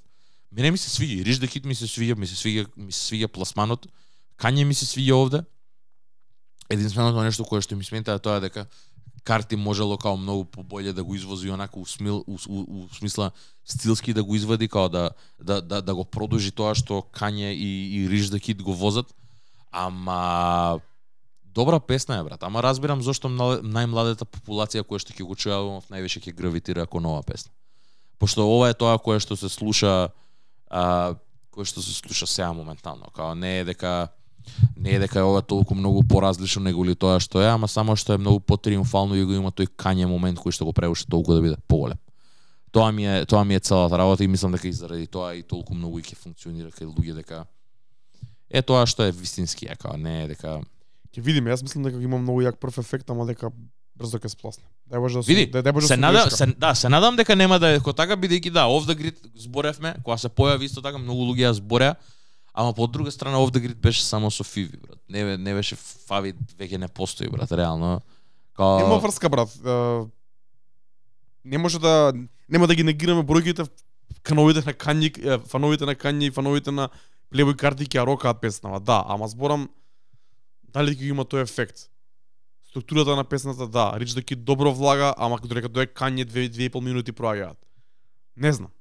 Додека дое Плейбој карти 3 минути проаѓаат, 3,5. Да, Да. Ќе видиме. Ќе видиме како ќе покаже време, ама мислам дека исто така за многу луѓе сваќам зошто е ова стендаут. И мене ми се свиѓа, ама не ми е омилената од самиот албум. И овде веќе некако и привршува и самиот албум. А 13-та песна имаме веќе оглем, огромен turn of events, значи од од Carnival се се се префрлуваме на Beg Forgiveness, која што е песна, која што е а, со работа со Крис Браун, каде што добра песна. Мене ми се свиѓа. Го позна Крис Браун тука од прво? Не. И јас исто. Не, ми беше малку тешко. Читнав, видов дека е Крис Браун. А, ама добра песна, брат. Добра песна, долга е реално. Прочитав дека е кавер на некоја друга песна која што го има текстот уствари е цел само само она а, нешто со Гейбриел, они го имаат тргнато името Гейбриел, дека е поема немам Архангел дека бил или што кур знам, не, немам поема. Ама а, имено као постои песнама, само они имаат земено, имаат као ремикс на тоа со друг бит и ја имаат препеано и мене ми се свиѓа, ова ми се свиѓа. Ова е ова е добар пласман за Крис Браун, посебно тој пак тој момент дека нели и Крис Браун на еден начин е кенселнато тоа целата култура со Кања заедно тука се некако се спајат. Добро е. Добро. Еве на пример исто така и JPEG Мафија е овде брат. JPEG Мафија се ја ко можам да се кажам дека сум она полуфан на JPEG Мафија, сум фан ама не сум човек кој што онака религиозно живее и не можам да осетам кај му е кај е неговиот допринес со себе ово. Што драмовите ги има сменато брат, драмовите ги Не има искрено не стајано. сум запознат со неговата музика. Нема тоа сам да ти кажам, не можеш да не можеш да претпоставиш кој што има направено од толку многу луѓе, као не можеш да не можеш да видиш. Back Forgiveness мене ми се свиѓа овде, мислам дека и најдолгата песна 6 минути трае, ама е таква, као slow burner е, добра песна е, ме потсеќа на Ultralight Beam, на нешто на такво. Може, Добро. мислам, не не пеењето, не хорското, туку елементот кој што го носи во самиот албум и ми се ми се свиѓа, ми се свиѓа тој момент и ми е добро како дека е залез, као многу луѓе на пример можеби ќе кажат дека ова и можеби е и одлично аутро. Со ова би требало да заврши да заврши вако, ама знаејќи како завршува албумот, неќе им да заврши на било каков друг начин. Ме сваѓаш? Да, мене ми се свиѓа моментот дека Кање, моментот тој малиот дел на Кање кај што вика ако утре ме нема, кажете на Кажи. керка ми де- Апсолутно. дека сум Добар момент е. Како- И да си го живеат животот како сакаат. Пошто овде збори за тие ствари брат, кај што онака како тоа е неговата битка со со неговата бивша жена и како кај што се збори и за тоа. И верувам, не, не, не, не сме биле таму да искусиме и да знаеме што е така, ама сигурно нели секој родител си го сака најдоброто за своите деца. Сте тие тие два родители може да сакаат различни работи од своите деца. И, и е целата таа битка која што и на пример и за Northwest која што се дешаваше за да биде таму кај што е сега моментално со Кање и разбирам дека има голема голема вако. И тоа е сега гледаш колку и да не кеме да збориме за тие ствари, се тоа што се има со Кање дешавано последниве три години, толку се испреплетени у самите песни кои што мора и од сега одбивам као и наоѓам начини као да in real time као да ги да ги да ги свртам, ама на крајот од денот ова е на пример тоа што го збори за неговиот custody battle дека си ги сака децата и сакат децата си го живеат животот како што они сакаат да не бидат под притисок бидејќи на крајот на денот имаат све што ќе посакаат. И баш збори онака дека дека учат у fake school, мислам дека и така завршува uh, една од песните, не, може може би е Back Forgiveness, како кажува како за деца да учат у фейк школа, како тоа не е ни школа, кој знае што е, како измишлиот и не само за да за да бидат таму, за да бидат изолирани од све, како пуштете ги нека бидат слободни, ме разбираш, како на крајот на денот како се што сагаме децата само да ми бидат слободни, на крајот на денот имаме толку многу пари меѓу нас двајцата кое што не треба да, да се чувствуваат дека бидат чейн.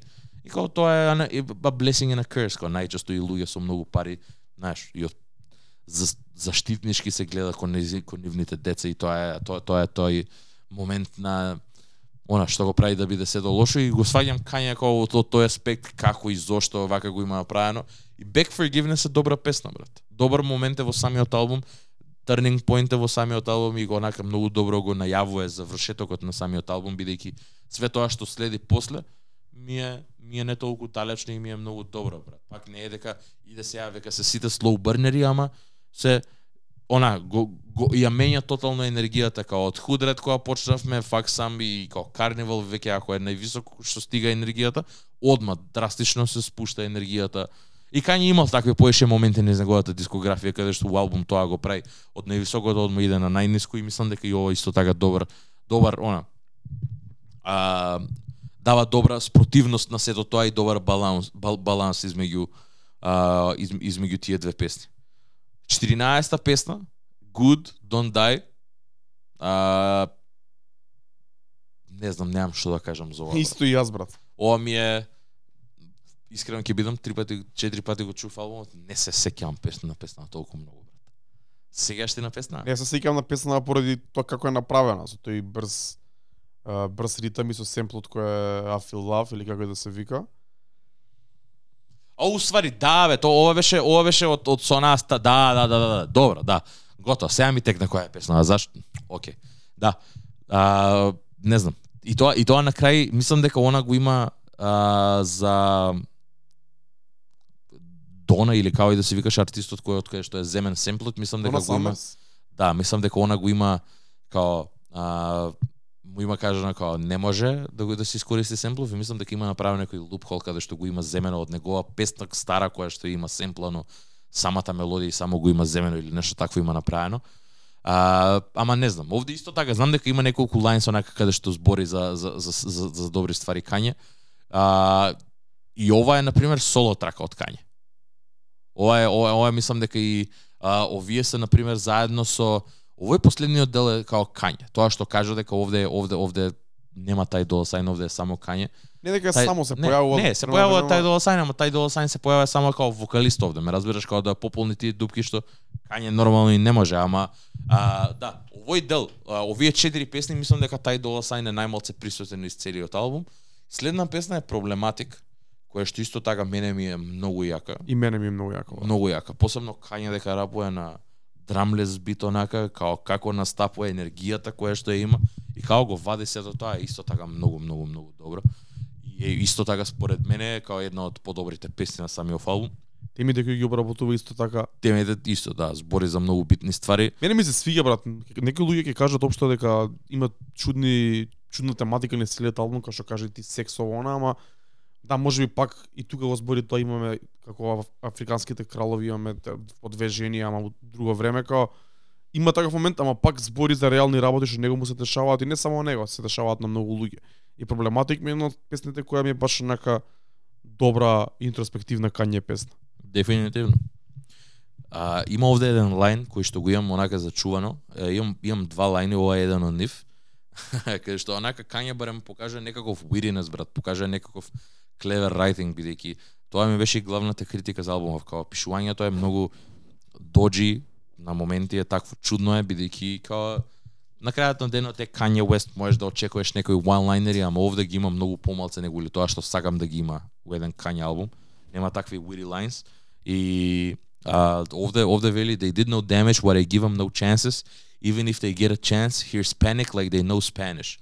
Hispanic here's panic so Spanish као тоа ми треба more of that ме разбираш као Океј. да и као не е ништо посебно не е нешто over the top of the line али као од кање толку и сагаш да има такви малце Брат. да има такви ма- мали моменти ме разбираш као смешно е дека доаѓа од кање брат Од мене најакот дел ми беше крајот This shit is fucking ridiculous. Исто така од Соаполд, од Соаполд. Е па Тогаш ме фати и ја вратив. исто, истото се деша, истото се деша и со Карнивал. Карнивал тоа не го спомнав. Карнивал имаше проблем sample clearance се issue со Ози Осборн и човекот што направи си само а, пошто истата песна која што Warpigs мислам дека се вика, нема фаќате за збор. А Warpigs е семплана на Hell of a Life која што се наоѓа на My Beautiful Dark Twisted Fantasy и Kanye прво отишол и, и, и ја го се ја семплал мелодијата од а, од Ози Осборн од од оригиналната песна и Ози рекол не може сега да ти ја давам пак и овој рекол кој те ќе си ја земам од мојата песна кој што веќе го имаш клирната да семплов и ја зима таа кратка мелодија брат после пред да почне мислам дека Playboy карти уствари после неговиот врз пред да почне Playboy карти се наоѓа како брат секунда и пола, не е ни толку брат, само од Hell of Life тарана на на на и толку е брат, и кога почне Playboy карти, пак се враќа на чантот и кога тоа го има земено уствари од Hell of Life. Пред нели она Не I fell in love with a porn star. Се сеќаш на Да, песната, да, ја да. знаеш и кој тој, тој уствари тоа пред да почне врсот, он го зима и си го става у карневал, уствари прави луп хол каде што си ја семпла својата музика брат. Не знам легално тоа, тоа дали е дозволено. Како е дозволено. појма немам, не знам искрено, пошто нели различно е као семплање, интерполација, као се водат тех, технички се водат ко различни термини, а, она од од правен гледан аспект. И ми текна што беше со со Good Don't Die. А Дона Самерс или како ја се вика женава која што која што е има песнава, а не не не дава и он зима вокалист а кој што го кој што го пре, препева целото тоа пе целата песна е препев уствари. Тоа целото е испрепеано и е направено како кавер да биде уствари. Така има го има направено тој лупхол каде што а, не ја семпла туку некој и го препева тоа. Не знам, мене ми е окей тој момент, ама некако преевтино ми е таа песна е многу позната песна, он не Е позната не, песна. до, не надава нешто на неа. Дефинитивно. Дури и таков тој бит, тој тој брз бит, не знам како се вика, тој валјда се вика synthwave up tempo, не ме фаќате за збор, стварно не сум запознат со таму dance dance бит уствари валјда се вика. Таму исто оди во таа зона и као не ми не ми надава нешто, не можам да кажам дека е лоша песна, окей си е песна. Да, бе, да. Океј, онака за за кон крај на албум за нешто кое што стивно е више као добро е. Само што пак со проблематик, пак се им крева енергијата, пак збори добри ствари, пак мене ми се свија овде и на крај фил, албумов се крунисува со Кинг онака како Кинг беше знам дека ти збореше дека Кинг беше онака како на крај на самиот албум збореше и у Дискорд дека многу ти се свиѓа дека имаш вратано. Ама Кинг е дефинитивно една од песните кои што после Burn мене ми е втора најдобра на Да, албумов. за мене за мене најдобрата. Најдобрата Сваќам и зошто, брат. Сваќам зошто. А, овде се слагам со тоа што го кажа ти после оваа песна се осетив јако Виктори Леп на Кање, ко она Да, дефинитивно. издигнав, Дефинитивно. дадов добар албум Заради тоа е аутро и на стаја. крај ви се искручив дека уште не можете ништо. Дефинитивно. Пробавте да ме кенселнете, пробавте ова, некои се љути, се љути дека не му правам муеве, дека не може да збори со мене. Све За тоа. курке ми се фатите. Да, реално за курки ми се фатите. Тоа е. У Брн збори дека ги има изгорено пари и овде кажа дека ништо од тоа не е битно, дека на крајот на денот си има купено слобода, така. Тоа е. Still the king, брат. И Still the King. Како завршува албумот, онака си. Undeniable е тоа, брат. Undeniable е тоа. Undeniable е тоа. Баш, она, као прочитајте го текстот, мислам, и слушајте ја Кинг, ќе сватите као зашто, као, онај, баш, баш самиот рефрен, као збори, ги, ги збори стварите кои што онака го викаат него и го имаат нарекувано како лут, биполарен и, и за ентай семајт го нарекуваат и као он тоа го кажува у смисла дека тоа се тие headlines кои што кои што него ги кои што со него ги вакво и баш бори дека онака све што остана е само хедлайнс у сите тие причи кои што ги имате зборено за мене ништо од тоа не важи. Едноставно со као I'm still the fucking king и rightfully so на многу висока нота го завршува албумов многу ми се свиѓа и од продукција како како звучи песна многу многу ми е И добра мене исто продукција. Триумфална апла онака Victory Lap многу многу добра брат. И те тера одма одново да го пуштиш или целиот албум или у најмало на- најмало најмало ваква рака да да ја сврстиш песна уште еднаш. Песна уште еднаш, последниве две песни уште еднаш, Карнивал да ја вратиш шумат, ја дава таа енергија бидејќи Да, Кање се одјавува онака буквално дропс мајк онака и си оди. дефинитивно, дефинитивно. Не можете ништо со мене. Пробавте на сите начини да ме да ме тука сум уште. Колку и да се слагам или не се слагам со неговите постапки, со неговите ставови, со неговиот начин на комуникација со се, не може да се негира, брат. Апсолутно, апсолутно. Некаде денот пак сум огромен фан на Кање 20 на години отприлика. Сакам кога ќе го направи ова, сакам кога ќе ни даде ваков добар албум. И на крај кога ќе се искручи вака да каже као уште сум тука уште сум број 1, уште сум кинг. Не ми треба ништо повеќе за за аутро.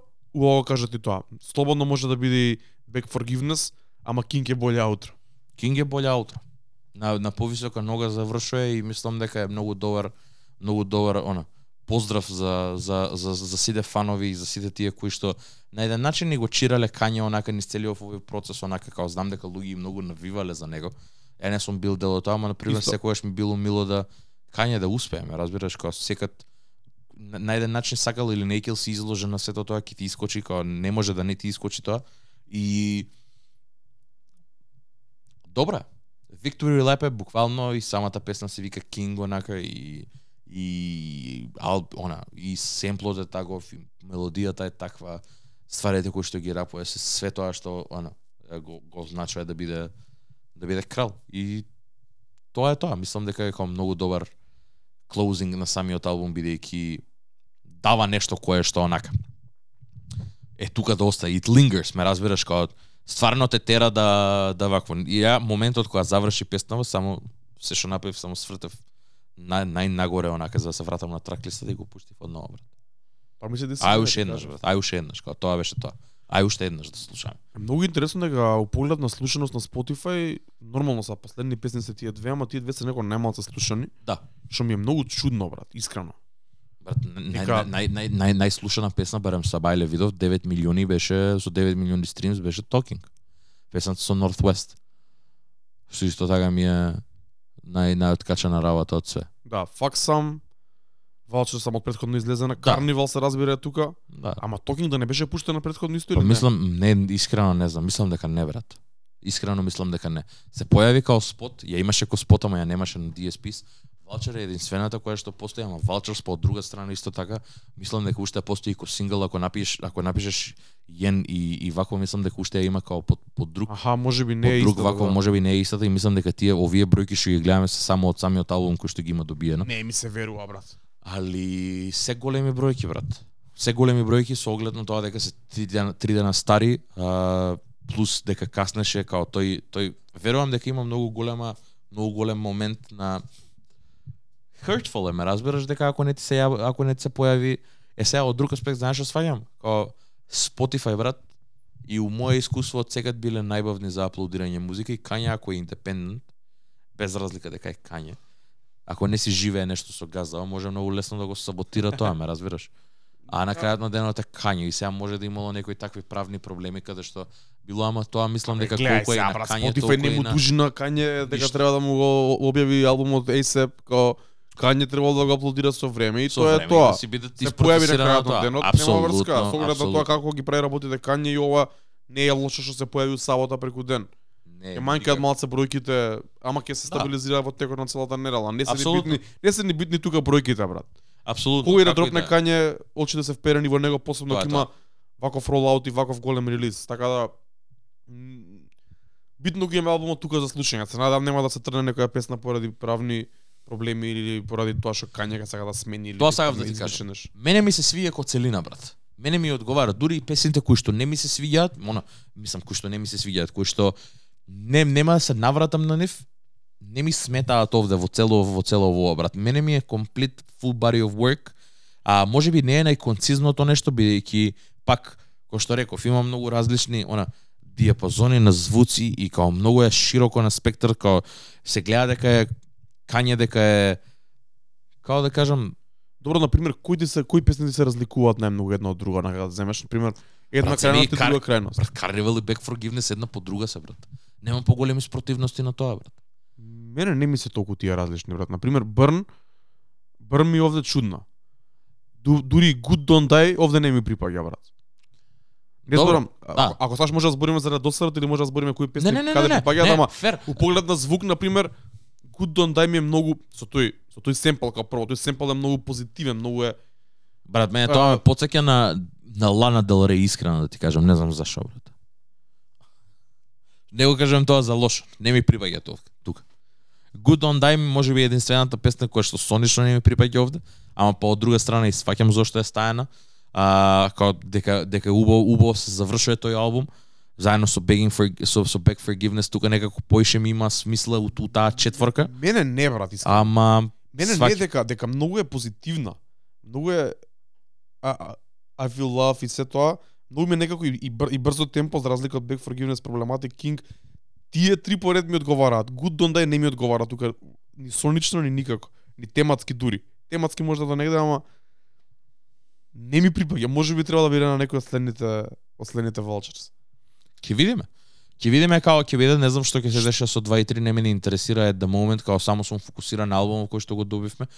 Ама ја комотно можам да кажам дека ова мислам дека ќе ќе остане у ротација мислам дека луѓе ќе имаат доста фаворити. Барем ја имам доста фаворити од од самиот албум. А кои што дефинитивно онака ќе ми се ќе ми се свигаат песни кои што ќе ги подпевнувам, онака песни кои што можеби ќе ми бидат јаки кога ќе ги чујам некаде на одредено место, као дома на пример, нема да слушам Карнивал брат. Ама ако идам на фестивал би сакал да ја чујам Карнивал. Не знам, Дуит на пример би сакал да ја чујам у клуб брат. Back to me на пример, можам дома да си ја слушам. Сите ми се убави тие песни брат, ме разбираш као а може да биде а, Paid на пример, може би ќе сакам да ја чујам да видам као на пример некој може да се изигра со неа на пример да направи такво едно медли од Eagle Death Fade и Paid, на пример, нешто да биде интересно, не класично, па може на пример не чисто онака за искуство, ме разбираш, не дека мора да биде, мора да биде, ја ти кажам онака примените од се до тоа. Така да мене ми има ова ми, ми се свиѓа брат. Не е најконцизниот Kanye албум, ама е најдобриот Kanye албум in recent memory, морам да го кажам тоа. А, и ете, пак се фаќам сами од себе, као викам дека е Kanye албум, иако реков дека ова е она Брат, колаборативен, ама Мислам да, Да, треба да колку дека е не, Кања колку, колку, колку, колку поише зборам, сваќам дека е Кања албум, да. Дефинитивно. Збориме за неговите искуства, збориме за неговата ситуација, неговото влијание и звучно. Да, тај дола sign овде не дава нешто освен освен на токинг, не, не дава нешто премногу а, не дава премногу инсайд во неговиот живот и не збори премногу за таквите ствари. Мада и тај дола sign се немам доволно фокусирано на неговите соло проекти за да сватам колку долу, колку има навлагано во сето тоа, во такви тематики. Може би ова му е онаки првиот момент каде што навлага у овие теми каде што збори. Има, ама добро. Пошто и на самиот и на, и на, и на, и на самиот спот онака е со, со, со, со неговата керка. Ама да, овде главниот фокус е Кање, тоа целото револвира околу него и сите тие што се околу него се тие, она, quote unquote vultures кои што онака на еден начин се па и кога ќе видиш се сите онака на еден начин и антихерои. Антихерои, тоа сакав да кажам. Сите се антихерои, онака како EMF Doom type shit, кај што сите се собрани и сите имаат некаков проблем со индустријата. И мене ми е окей тоа. Мене ми е окей тоа, тоа е онака како нешто спротивно на сите собрани на едно место и како еве сме тука сме. Ви добро, мислам кога ќе погледнеш онака сите имаат причина зашто да бидат таму. Освен Куево може. Освен Коју. Освен Коју. Не ми смета, ама не знам. Може да помини без него се. Да, White- реално можеше да помине без него. Не, не беше толку впечатливо. Затоа ти викам, од тие сите features, заради тоа мислам дека и толку заради тоа заради, заради тоа мислам дека и толку многу луѓе беа гравитираат кон рапувањето на Фреди, пошто никој друг не рапува така како него, брат. Па дури ни Кање. Ме разбираш, Кање може би единствениот момент каде што рапува е Burn И на Карниво. и, на- и на Carnival кај што рапува онака. Дури и Burn имаше исто така еден еден добар момент, уште еден лайн кој што го имав запам она кој што го имав кој што го имав запишано усвари дека ми се свија. А кај што пак збори за за за, за жени брат, ама е класичен Kanye лайн брат. Вика you charging for a cookie that's a bang for your buck. If you kiss on the mouth, you ain't charging enough. Као Kanye shit брат, ме разбираш, као ништо не е вау, не е да да паѓаш на гс, као не е, дури дури кога ќе се фокусираш на и на и на Фреди Гипс, као Фреди Гипс нема некој кој кој знае што како Double Entendres или нешто, како има добро флоу кое што е класично Фреди Гипс флоу, кое што било каков бит да му даеш ќе ќе најде начин како да го примени и да го изеде тоа. Само изгледате било кој фристайл од Фреди Гипс и ќе стане јасно дека станува збор за монструм од човек кој што знае многу добро да рапува и технички е еден од најспремните вакво.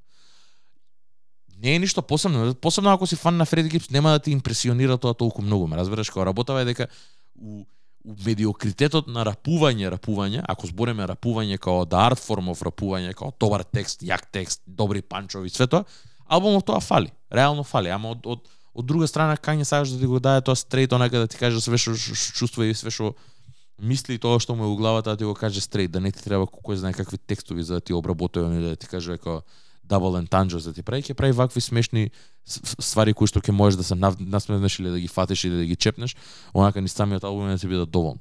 И мене ми е окей, не ми смета.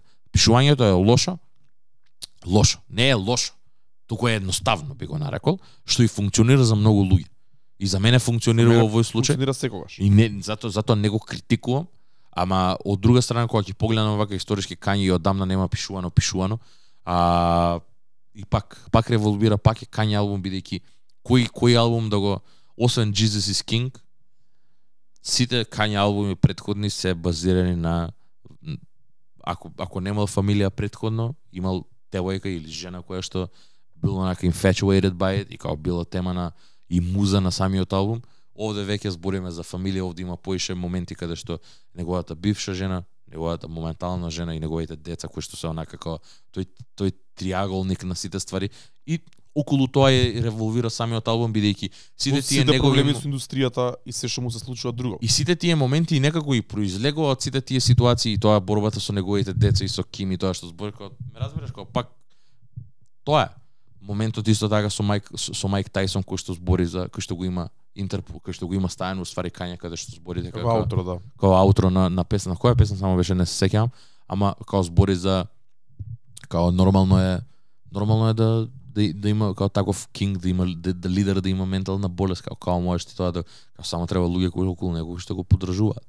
И Кање мислам дека го има тоа со овој албум, мислам дека као сите тие луѓе кои што се насобрани околу него е се се се, се, се тоа и добар албум, брат. добар албум. Ми се свиѓа и мило ми е дека добивме вакво нешто, дека не добивме нешто кое што она наликува поише кон, кон Донда, пошто Донда некако по по меси ми беше него ли ова ми е по по скоцкано. All over the place, ама пак е по скоцкано, не знам како да го Мене кажам. не ми е all over Па, the place. смисло, Мене не, не, all over- зона. All over the не, не, фокусиране. All over the place во смисла како колку многу луѓе има соработувано, колку многу луѓе има соработувано на самиот албум. Нема толку многу во споредба со други проекти на Кање. Са ги, Мислиш? ги читавме ние таму writers и продусери, само Да, тоа овде има се и свашта, ова се луѓе кои што онак. не мора да значи. Значи има 16 песни, има 7-8 features. Тука ти е дала цен цело време со него што е добар момент да прави музиката да биде поубава и полесна за слушање, да го дава тој баланс кога Кање забегува со работи. Звучно, иако можеш да бараш ти разлики во е, типот на битови или слично, нема толку големи разлики, бидејќи мислам дека звучната естетика од прилика од горе до доле е слична, таква е, помрачна, подисторзирана. Нема многу бит switches и такви работи што мене ми се свига Да. и го албумот да биде лесен за слушање. Некои од траките не се довршени, кој што кажавме, кој што е Берн, ама у принцип се окей структурирани траките со за Кање стандард. Тоа беше моја критика голема за Дрейк и голема критика за Кање за Донда до должината на траките, премногу фичерс, премногу ствари се дешава и не не може лесно да поминам низ него. Ова е тоа, ова ми е нешто најдобро од после The Life of Pablo. И можам да кажам дека и ме потсеќа The Да. Life of Pablo, ме потсеќа и на Yeezus до негде со во некои моменти, ме потсеќа на нешто постаро од него. Така да не е најдоброто од него, ама е као за, за мене се стварите што ги сакам кај Кање, брат. Апсолутно. Ја би рекол, ја би ја би отишол до таму и да кажам дека и мислам дека ова не е ни take, мислам дека многу луѓе ќе се согласат со мене, ама ова е најдобриот Kanye албум после The Life of Pablo. Јас се слагам со тоа скрос. Мене ми е мене мене ми е такво брат. Ја исто Life of Pablo ми е онака многу убав албум, многу добар албум, многу го ценам албумот, ама ретко се навраќам на него брат. Ретко се навраќам на него, ама овде мислам дека нема да биде така. The Life of Pablo ги имаше тепано слушање кога сме многу млади, и затоа нема Тоа што сам да се вратиш на него. Се Апсолутно. враќаш на одредени песни од време на време. Ама ги наоѓам паралелите бидејќи има и таму вклучено, таму има земено ти дегнува од Панда моментот па направено своја А, песна, има нема, тогаш- нема тука песни Father Stretch My Hands, ама има моменти кај што зима од, од, од други ствари што се актуелни у, моментот на сцената и само надоградува на тој го прави да биде Да. подобро. Да, да. Има слични фичерс, па Крис Браун се наоѓа таму и Да, тука. тоа сега ќе кажав, Waves исто така е едно од најдобрите песни таму и го има и овде. И така да, да. Добар албум. Good Kanye албум и мило ми е дека е тоа така. А што сака нека биде брат. Vultures ти, Vultures Vultures 2, Vultures 3 као што сака нека биде. Ако сакаат нека искачаат, ќе бидам тука да ги чуеме и да ги збориме. Ако успееме да добиеме три албуми од Kanye, топ.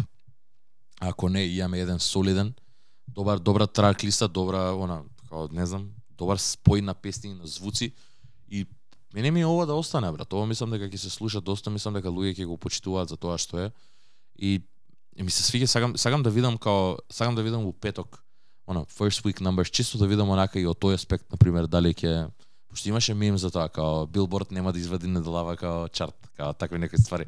Као намерено сакам да видам до кај ќе иде се до тоа.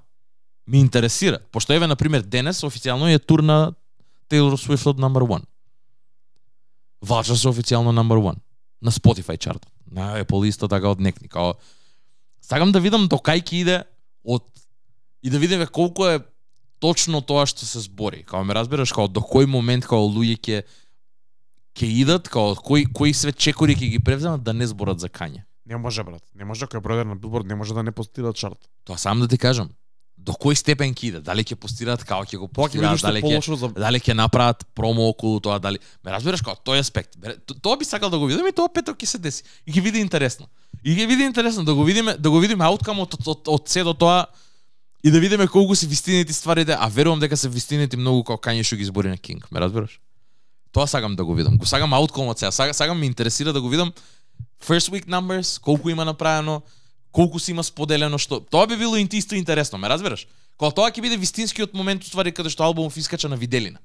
Кога ќе биде стаен на се тоа каде што Кање немал немал момент да, да, да се стаи долго време као у, у смисла дека де факто и као многу луѓе од не одлучуваат и да зборат за него и као тоа е. Ќе види ќе видиме као ќе Пошто што на пример и, и у поглед на тоа дека ве антисемитизам и глупости, како тие ствари што ги има кажано се outlandish, ама не не навредуваат никога на крајот на деня, како Овде исто така у албумов има такви моменти каде што збори дека имал juice on his payroll, као. Тоа го кажа у една од песните дека има juice што работат за него, као.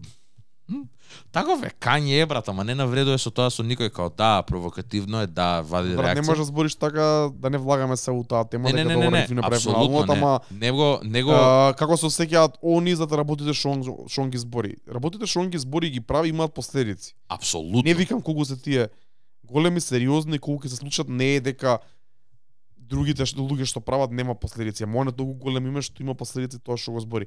И тоа не ми се свига кај него што премногу лесно ги кажува работите и да не влагаме се у таа тема дека Еве го земавме за музиката за која што е и музиката добро го репрезентира Кање за тоа што е. Збори се за стварите со кои се соочува, искрено на моменти, на моменти е звучи глупо, на моменти звучи корни, ама као тоа е тоа. Ако некој се осеќа дека е навреден, ако некој еврен или било која етнички религиозна група се осеќа дека е навреден или повреден од Кање, не ни мора да го слуша, ама албумот на Кање беше број и во Израел. И мислам дека младите луѓе, посебно кои се малце при свест, имаат сенс за тоа дека не е толку big deal. Тоа само да кажам, тоа ми беше е, ово, ово, извини, оверле... извини, извини само уште, плюс има голема разлика на за од луѓето кои се вклучени евреите кои се вклучени во музичката индустрија во Америка, и кои ги држат парите и ги прават сите превари и манипулации со индустријата, со корпорациите, со сето во Америка и во светот, Јап. до обичните луѓе, младите евреи низ целиот свет и во Израел кои Така.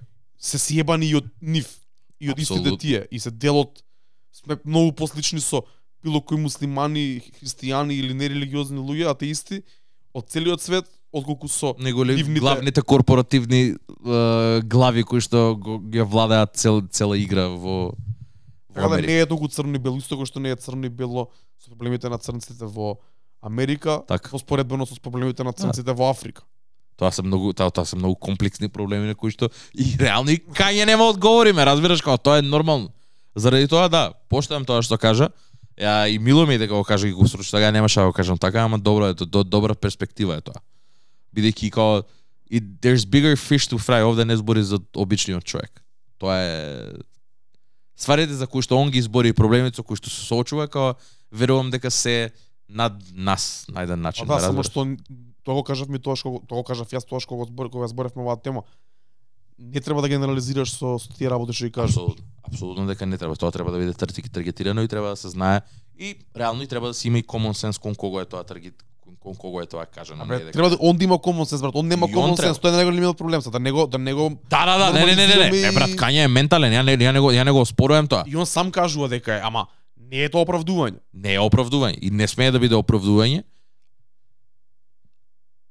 Овде у албумов тоа не ми смета, ги фатив сите, ама не ми толку многу смета тоа Ми што смета го ни мене, не не ворете, не ми смета ни мене. Начинот дека што кажува може не е окей. Фантано имаше тука многу лоши коментари, не знам ли го изслуша. Ги читав и ги слушав, го слушав вчера брат, тоа што го збори. И кога мислам Пак дека Фантано више Секако јас Фантано не го поштувам толку многу.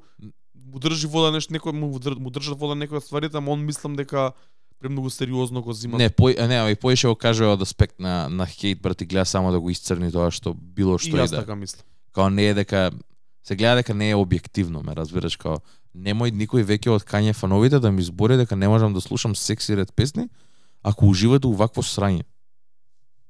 Брат, добра музика е. Он се закачи за некои ептен чудни срање моменти што можеш да да да дис- дискутираш дека се стварно можеби срање, ама као не можеш да кажеш дека ништо од не е добро. Тоа сам да ти кажам. Тоа Не можеш да да кажеш дека. Брн не е добра, брат. Не, брат, не можеш дис- да кажеш. брат. Дискри, дискредитира, дискредитира цел цел body of work само заради нечиви ставови, окей, као и да, и, и сега, окей, го сваќам на пример тоа, и ја го истото кажав, дека не можеш да ја разделиш музиката само од музиката без неговиот живот, бидејќи музиката е директно интерполирана и директно влијае. тоа. Два Тоа сати са- збориме за тоа. Тоа сам да ти кажам, и дека не можеш, не можеш да го спомнеш едното без другото, ама мислам дека Ептен Ептен е нитпикинг и дека иде до крајности само за да го дискредитира тоа и нема да и не ни са, само го изслушав и се смеев и као и многу голем дел и од неговата и фан база искрено као сви као «Ш- што ти е као зашо го преш ако си си music YouTube као ревјуери и као само едноставно одлучи да не го ревјуираш као искочи Above and Beyond ти као извади видео инстантно кое што се вика unreviewable, кое што му е прв прв пример на такво видео каде што као збори за албум дека и на крајот на дава ревју за самиот албум, а вели дека не е ревјуабл као збори за некои песни.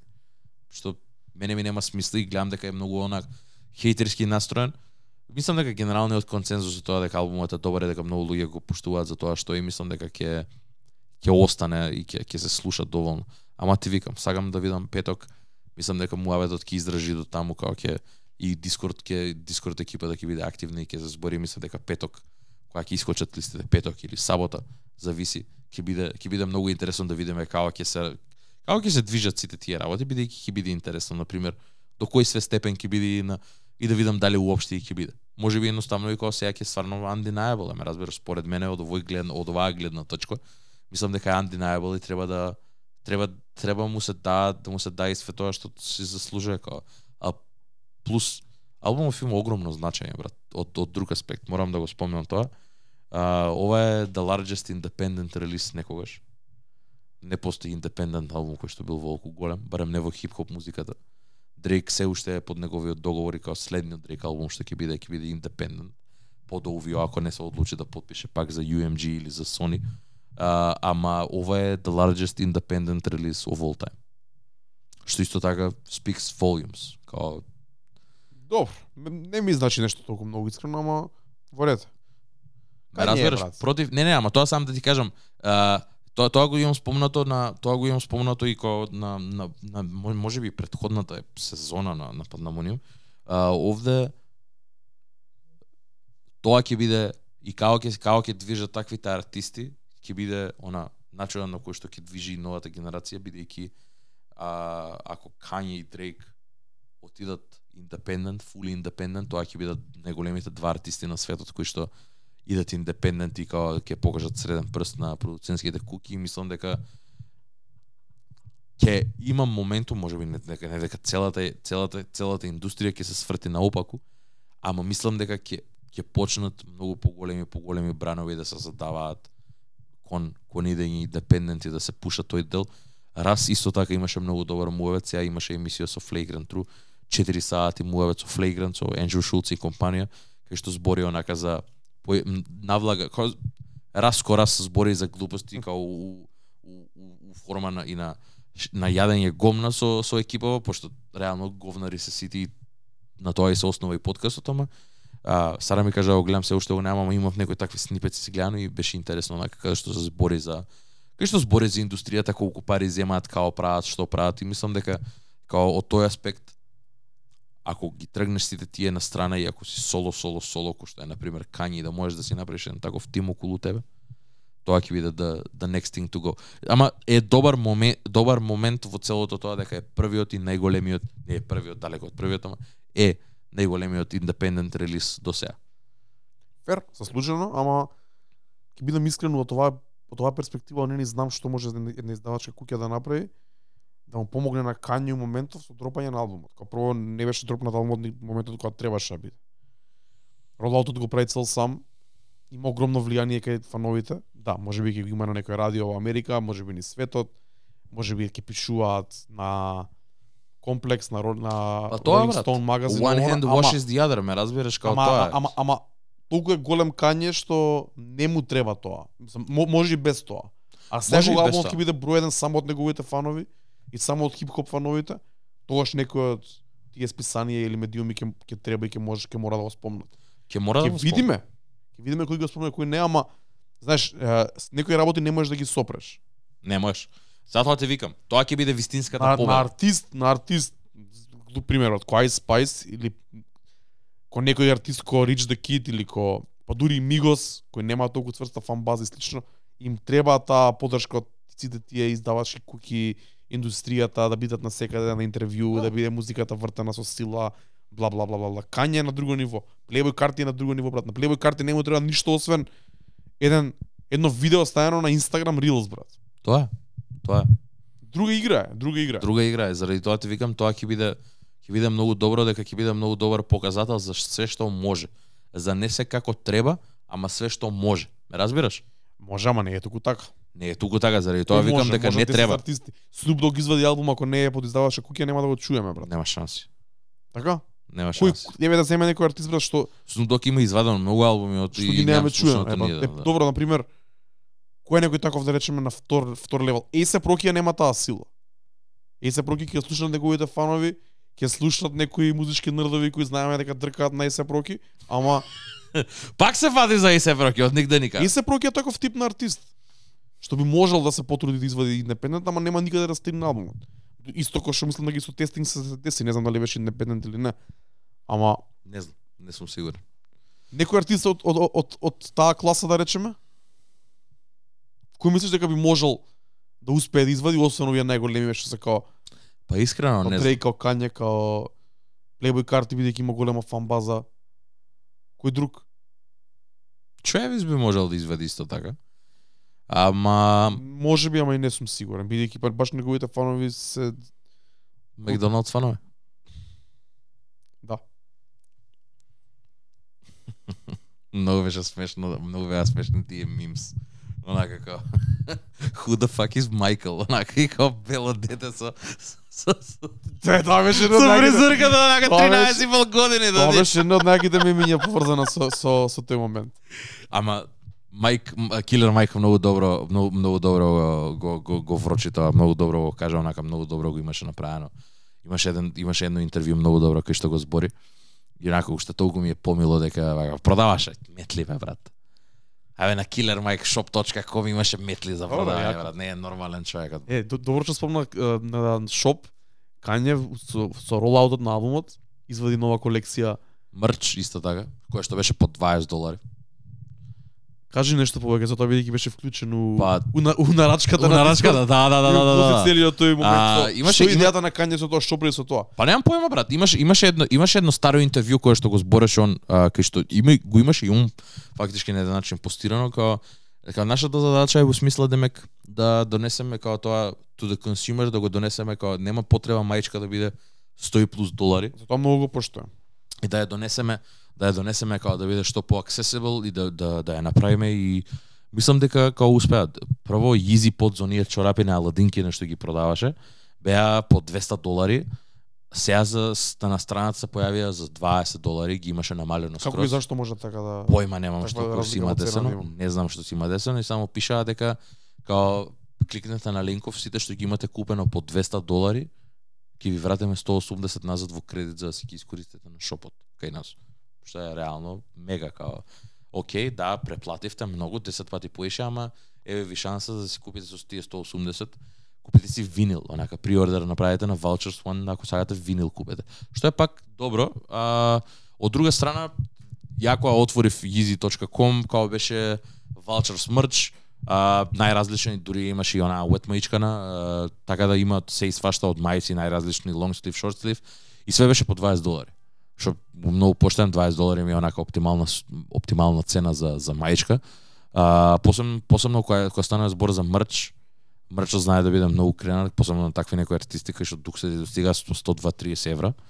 Не, не може да е 102-30 евра, брат. Ако не е чемпион дуксер, брат, да тежи 3 кила, брат, не може да е да е, да да е 100, 100 и кусур евра, брат. И а, ова е многу добро, брат. Сега реално за квалитет не можам да знам. Ете, нарачавме ќе видиме. Ама имаше многу луѓе заинтересирани, баш дека беше accessible. Е сега малце беше проблем дека пишуваш шипинг дека е 105 долари, 100 долари уствари. И ама ја, кога ќе така така и се деси уствари те нарачаа 5 луѓе, 6 луѓе и кога ќе го поделиш тоа на на 6 или на 5 вакво парцели и кога боле, ме разбираш се јаде. Немам проблем да платам до 15, 20, 25 долари за шипинг, окей ми е. И беше окей, тоа плюс минус некаде искочи околу 50 евра со се со оглед на тоа дека нормално стигаат од Америка, од, од Европа би било многу поевтино, ама добар момент ми е тоа. Пак на, на крајот на денот него, неговиот главен маркет е Америка и као таму нема ни царини ни ништо се си нарачуваш од Америка и ти стига као тоа е тоа таа е цената која што нешто дека 20 долари мајчка е 20 долари мајчка.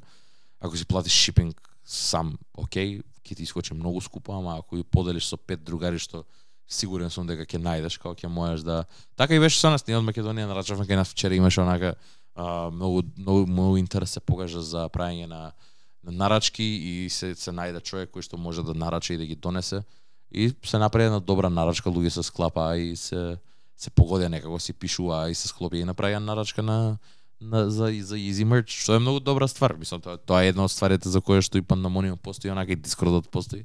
Луѓе се спајаат а и добра ствар, ама добар момент е со мрчот дека онака како можеш да на еден начин знаеш како посебно дека и сега веќе е индепендент, не дека на Кање му фалат пари, ама како на еден, еден начин тоа е твојот реинвестмент со музиката која што ја добиваш, ме разбираш како можеш CD да си купиш, можеш винил да си приордернаш. Винилот заедно со мајчка беше 100 долари, брат, што и, и не е толку многу ако си во Америка, као да добиеш винил, uh, да добиеш плоча од Vultures One и да добиеш мајца ваучерска не е толку многу. 100 долари у Америка реално и не се толку многу за таков дил, пошто знаејќи на пример од претходни вакво како самите винили може да стигнат 60 до 70 долари, така да окей ми е, тука е пак во тој прайс range. И добро е да се има да, и да се поддржи такво нешто. Кање е зашо не прв пат го поддржам, прв пат купувам уопште било што од Кање. Зашо не го направам тоа? Добро ми беше, онак, као Се надевам дека квалитетот ќе ќе ќе биде добар, не знам искрено, не можам да на вакво. Исто тоа е денес нов мрч. Дарко, Дарко ми погледни денес мајчка од нас, Magic 2 и као еве на пример ова е феноменален квалитет. Ме разбираш као се надевам дека као дури упола од ова ќе биде квалитетно бидејќи не можам да зборам пошто имаше нели момент на пример со The Life of Pablo кој што е онака најлегендарниот а, негов мрч кој што мислам дека тоаш сите пробуваа да го носат дури и да наоѓаат и фейк и од, од, од секаде од интернетов најчесто Taobao и Alibaba и такви некои ствари ама се надам дека нема да се гилдан маички. Ме разбираш, се надам дека ќе биде нешто Не изгледаат и посебни фитови. Изгледаат посебни фитови, имаше као size 1 2 3, као не беше ни стандардизирано ништо брат, само отидов со size 3. И... Може да носам ја на крај. Кој знае брат, па викаат дека викаат дека е многу широка, дека била огромна, така да мож... јас се плашам мене да не ми е голема брат. Нема шанси, брат. Ама не верувам брат. Не верувам, не знам. Пишуваше дека е као Не гледај. И, според димензиите кои што е голем, таму. гледај, и Кање е голем. Ама не е трајче голем, ме разбираш? Добро, не е, ама. То, то, тоа е тоа е моја, ама да, и Кање е голем. И мислам дека како ќе видиме. Не знам, 1 март мислам дека треба да стигнат стварите, така да оке, имаме добар месец и пол до тоаш, па ќе видиме. Малце late to the party, ама како и да, ќе ќе ќе се надевам дека ќе стигне све што треба и све ќе биде уред. Кажи ми сакав нешто да те прашам. А пред да завршиме, пошто веќе сме 2 сати и 12 минути, ама мислам дека и тоа и мислам дека и го и го спомнавме на на на на кај нас на Дискорд дека како треба да се очекува 2 сати емисија минимум да се има за Кање бидејќи заслужува се заслужува албумот да се збори онака и да направиме еден индепт ревју. Кажи ми на пример кои од овие ствари би можел да ги најдеш ти у а, у клуб или да да се да, да се фатиш како ги пушташ онака да имаш потреба да пуштиш нешто. Еј, ќе видиме. Морам да почнам од, од Vultures, која имам пробано неколку пати. Искрено има вади многу лоша реакција, односно не вади никаква реакција од луѓето. Што многу ме зачуди, последно на места како Sub Club, ја пушти само што излезе дента кога се крена најголем хајп, односно можеби не дента, можеби следната недела, не знам, ама беше како многу свежа. И нека луѓе се чудеа што е ова, Bump J рапува, никој не знае што се дешава, битот е таков малце статичен. Да, Има бас лупат киковите и басот, ама као не се не е толку енергична како што да. нас- бенгер е. Као што нас на, на тие што ни се свига, кога ги го сеќаме дека е бенгер. Мгм. Така да Vultures не влага во Македонија, не влага секако, не знам во странство дали влага, не знам дали има некои видеа од Америка како се роки. Немам гледано. Освен на, на концерти на Кање нормално. Карнивал, многу убаво кажа тоа, мислам дека е фестивалска химна. Ќе видиме дали, каде и како ќе ќе ќе проаѓа, ама доаѓа летово, за тоа има време, ќе мислам дека ќе биде малце по јако е сега прв прв бенгер вака од прва е, е фаворит на фановите, мислам дека летово ќе се биде вистинскиот тест. Каде ќе може да влезе бидејќи лето има фестивали, има настани отворено кај што ќе може да се рока и Дефинитивно. и ќе биде момент кај што може би Кања ако има настапи ќе настапува и ќе се крене уште повеќе вирално ќе стане поради тоа. Дуит ми е мене она првиот the, the, the usual suspect за, за у клуб ќе видиме и таа како ќе биде, мислам дека таа би можела да влезе и во Македонија во клуб во тој up tempo 100, 105, 110 BPM хип-хоп кон крајот на warm или во прайм таймот, ама во прайм во прайм малку потешко. Има сега таму нови песни со кои што би можела да, да влезе на пример Lovin on Me од Джек Харлоу, која што е така свеж хит. Иако звучи малце поразлично, мислам дека ќе може добро да се измикса во да се тој во некаде. тој да. во, во, во таа зона, во тој блок од 7-8 песни од тој BPM range. Не знам King дали дали каде ќе може да влезе. Мене King ми е некој бенгер што би можел да го пуштам у Sub Club у на пола сат пред крај на журка. Значи не за closing closing, него кога ќе Така. идем у длабокот. Дај да се проба. Односно би сакал да можем да го пуштам, ќе видиме. Може да се проба таква нешто. Фак сам, може би, пак повеќе фестивалски отколку клубски, ама на пример гледаме дека песната Фин вади огромна реакција и во клуб, така да може би ќе може да влезе, мада мислам дека не. Ќе се проба и тоа, а од друго од прилика вака од прва гледано тоа е тоа. Paid ќе му зарато, ама не сум сигурен искрено. Не се пушта. Може би може би само Дълче. Така. Quick mix нешто така. Да бе, па тоа викам, тоа би било интересно, онака може да се направи некоја медли, на пример, некој DJ едит помеѓу тие три и да некога се склопи, ако може уопште, ако постои начин како да се направи тоа интересно да биде да не звучи лошо, би можело да функционира. Ама интересно е, добро е дека имаш барем опции. Е сега на пример, можеби не е како Метро Бумин албумот да знаеш дека мо имаш имаш добри солидни три кои што ќе влезат у Сарато и 100% ќе бидат пуштени, ама мислам дека можеш Too Many Nights, брат, не ме интересираше. Знаев дека ја таа песна ќе ја пуштам и тоа е тоа. Имав среќа да закачи ки луѓето и да тоа беше тоа. Не дека беше Certified Banger, ама кога беше мој фаворит и идеме Да, со да. таа и тоа е тоа, не се замарам. Крипин е друго, Крипин си беше као сингл уште пред излезе албумот и Тоа сам да ти кажам, овде на пример можеби го нема тој момент, ама исто пак знаеш дека нешто можеби ќе пуштиш и ќе ќе пробаш чисто, пошто на крајот на денот и твоја работа и да пробаш да видиш како ќе функционира. да. Не можеш да знаеш дури не пробаш така да. Ама го кажав ова на една од претходните епизоди. Јас мислам дека casual хип-хоп фанови не слушаат Kanye West толку многу. Па. И тоа се гледа и по неговите синглови, по неговите албуми претходни не е никој не бара брат. Значи им- имаше бенгери како Hurricane, Off the Grid, ги нема пуштено 2-3 години. Да, да. Како излегоа. Те разбирам. Те разбирам. Значи не е дека се песни без кои не може да помине журката. Дефинитивно. Посебно за зборам за Македонија, ама мислам дека и во Америка е така, бидејќи гледаме дека не гледаме толку контент и толку содржина од од луѓето. Може би тука имаат врски издавачките куки, тој кенсел момент, да диџеите таму го сваќаат се посериозно. Собствениците на клубови, предпоставам дека голем дел се- и богати евреи, немам појма. Посебно на најголемите, Реално брат. посебно на најголемите корпорацијски клубови во Лас Вегас, во LA, во Йорк. Така е Мајами истото тоа. Да. Мада настапуваше у Лив, мислам дека у Мајами така да. Ама ќе видиме, интересно. Јас имам неколку фаворити од тука. Ги спомнавме King ми е прва, Burn ми легна многу добро. It. Back to Me не знам дали ќе ми ќе ми ќе ми легне.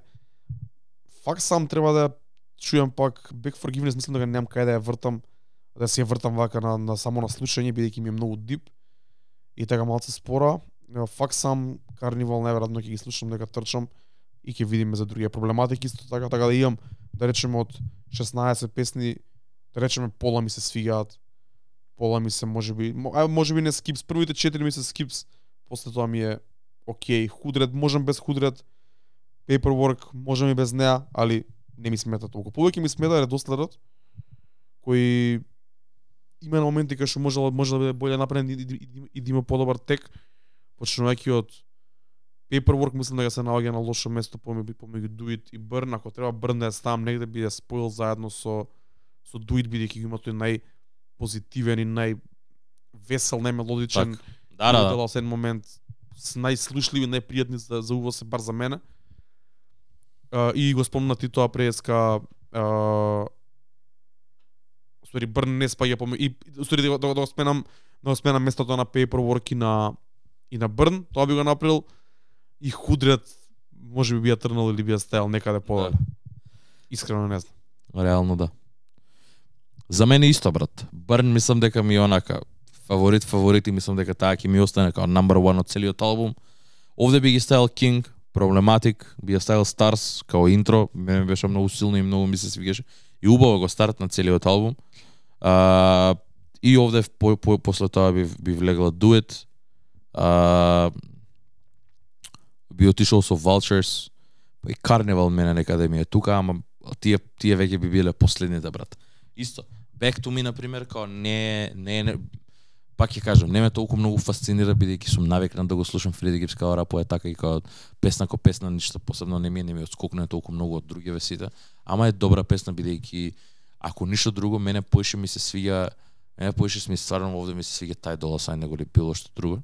Ми е доб ми е добар момент и ми се свиѓа онака као звучи сето и заради тоа не ми смета песната, ама имам добри онака 5-6 песни кои што дефинитивно ќе ги вратам. Не знам на пример кај у која плейлиста би ми се нашле, ама ама Треба може би нова се ќе на треба да се направи некоја нова дефинитивно. таква Kanye Bangers плейлист Може. со You Mad, со All Day, Father. Stretch My Hands. Да, такви undeniable bangers онака со, со Black такви мо, монументални песни кај има Marathon многу. Да, да, да. Има, има има многу и овде има добри две-три кои што спаѓаат директно таму, дефинитивно брат. Дефинитивно. Добар албум брат. All in all добар албум. Мене ми се свигаше се и онака интер, и, она реакциите на интернет кај нас на Дискорд беа генерално позитивни, многу луѓе се она а, хајпнаа за самиот албум и као многу луѓе ги се збореше дека као им се свија самиот албум и дека а, е све тоа што очекувале у смисла на а, кај нас многу луѓе ги имаат слушано и голем дел од песниве кои баш со Никола зборе вика пола албумов го знаев што пак стојам тврдо на тоа дека кога тоа го уништува твојот listening experience онака ама нема да те спрече да го слушаш албумот од која ќе искочи официјално дефинитивно А, ма ќе видиме што останува за Валчерство или Валчерство ако воопшто се деси. Се надавам дека ќе се деси ако ова е било каков показател, ова е многу добра ствар. Се надавам дека ќе биде уште толку поконзи нема само да а, она второто и третото дека само ќе се разводнуваат понатака, туку пак ќе бидат вакви стегнати и ако ништо друго може би да бидат само подобри од ова. Не знам колку подобри од ова може да бидат искрено, ама ако се деси Валчерство да биде мала подобар онака од од, од Валчерс 1 ќе биде уште толку појако. Да. Ќе биде уште толку појако. Не знам кој ме замислата, ама јас би отишол во нека друга зона, на пример од зоната на Good Don't Die. Таква нека зона што Па мислам дека и така може би се и поделени тие тие тие три волјумс као у смисла во поглед на звук на тематика, мислам дека има имаат поише ствари бидејќи имаат сигурно и ствари кои што сакаат да ги кажат и да ги обработат и сигурен сум дека кида кида кида во друга некоја насока нема да биде во истата, нема да биде континуација секако на ова. All in all добар албум, мило ми е дека што го добивме конечно албум 2024 после Донда онака после тие Донда ту е, као ова е ова е еден од ретките албуми од Kanye West кои што после 2016 можам да ги слушам и онака да ми биде мило што слушам нова Kanye West музика брат. Бидејќи сите тие моменти на Jesus is King на Kitsy Ghost на пример многу луѓе го го, го држат in high regard мене на пример се немам сетано да се вратам на тој албум, не ми е на милениот албум. Од друга страна пак овие Daytona и сите тие нас на Sir и сите тие моменти ми се онака ова ми е тој албум кој што ќе ми остане онака во последните неколку години од кање. Па последниве не 10 ама онака 6-7 години баш таман The Life of Pablo тоа беше последниот албум, ова е следниот кој што онака сум стварно заинтригиран и заинтересиран за него. Сите ги имам преслушано, ама ова е онака најдоброто нешто кое што го имам чуено до сега, дефинитивно. се слагам со тебе. Мислам дека може така да го затвориме после 4 дена. Имаме одлични импресии, се надеваме дека ќе ни ќе не задржат импресиите, се надеваме дека нема да, нема да добиеме големи промени, односно никакви промени на музиката и дека ќе се фокусираме понатака само на музиката која вади Кање и скима се боле и музика у која, у која што ќе се и каже стварите, наспроти сите гимикс на интернет. И во real life. Дефинитивно. Дефинитивно, брат. Добри сме. Добри сме. Тоа беше 100 105-та епизода а, на Pandemonium Radio Show, Vultures One Review. А, пишете ни вие како се осеќате за албумот, пишете ни у коментари. Дојде кај нас на Дискорд, активно е многу, се збори за албумов константно, се збори и за други ствари. Така да, дечки, до следна недела. Се гледаме. Поздрав. Чао, чао.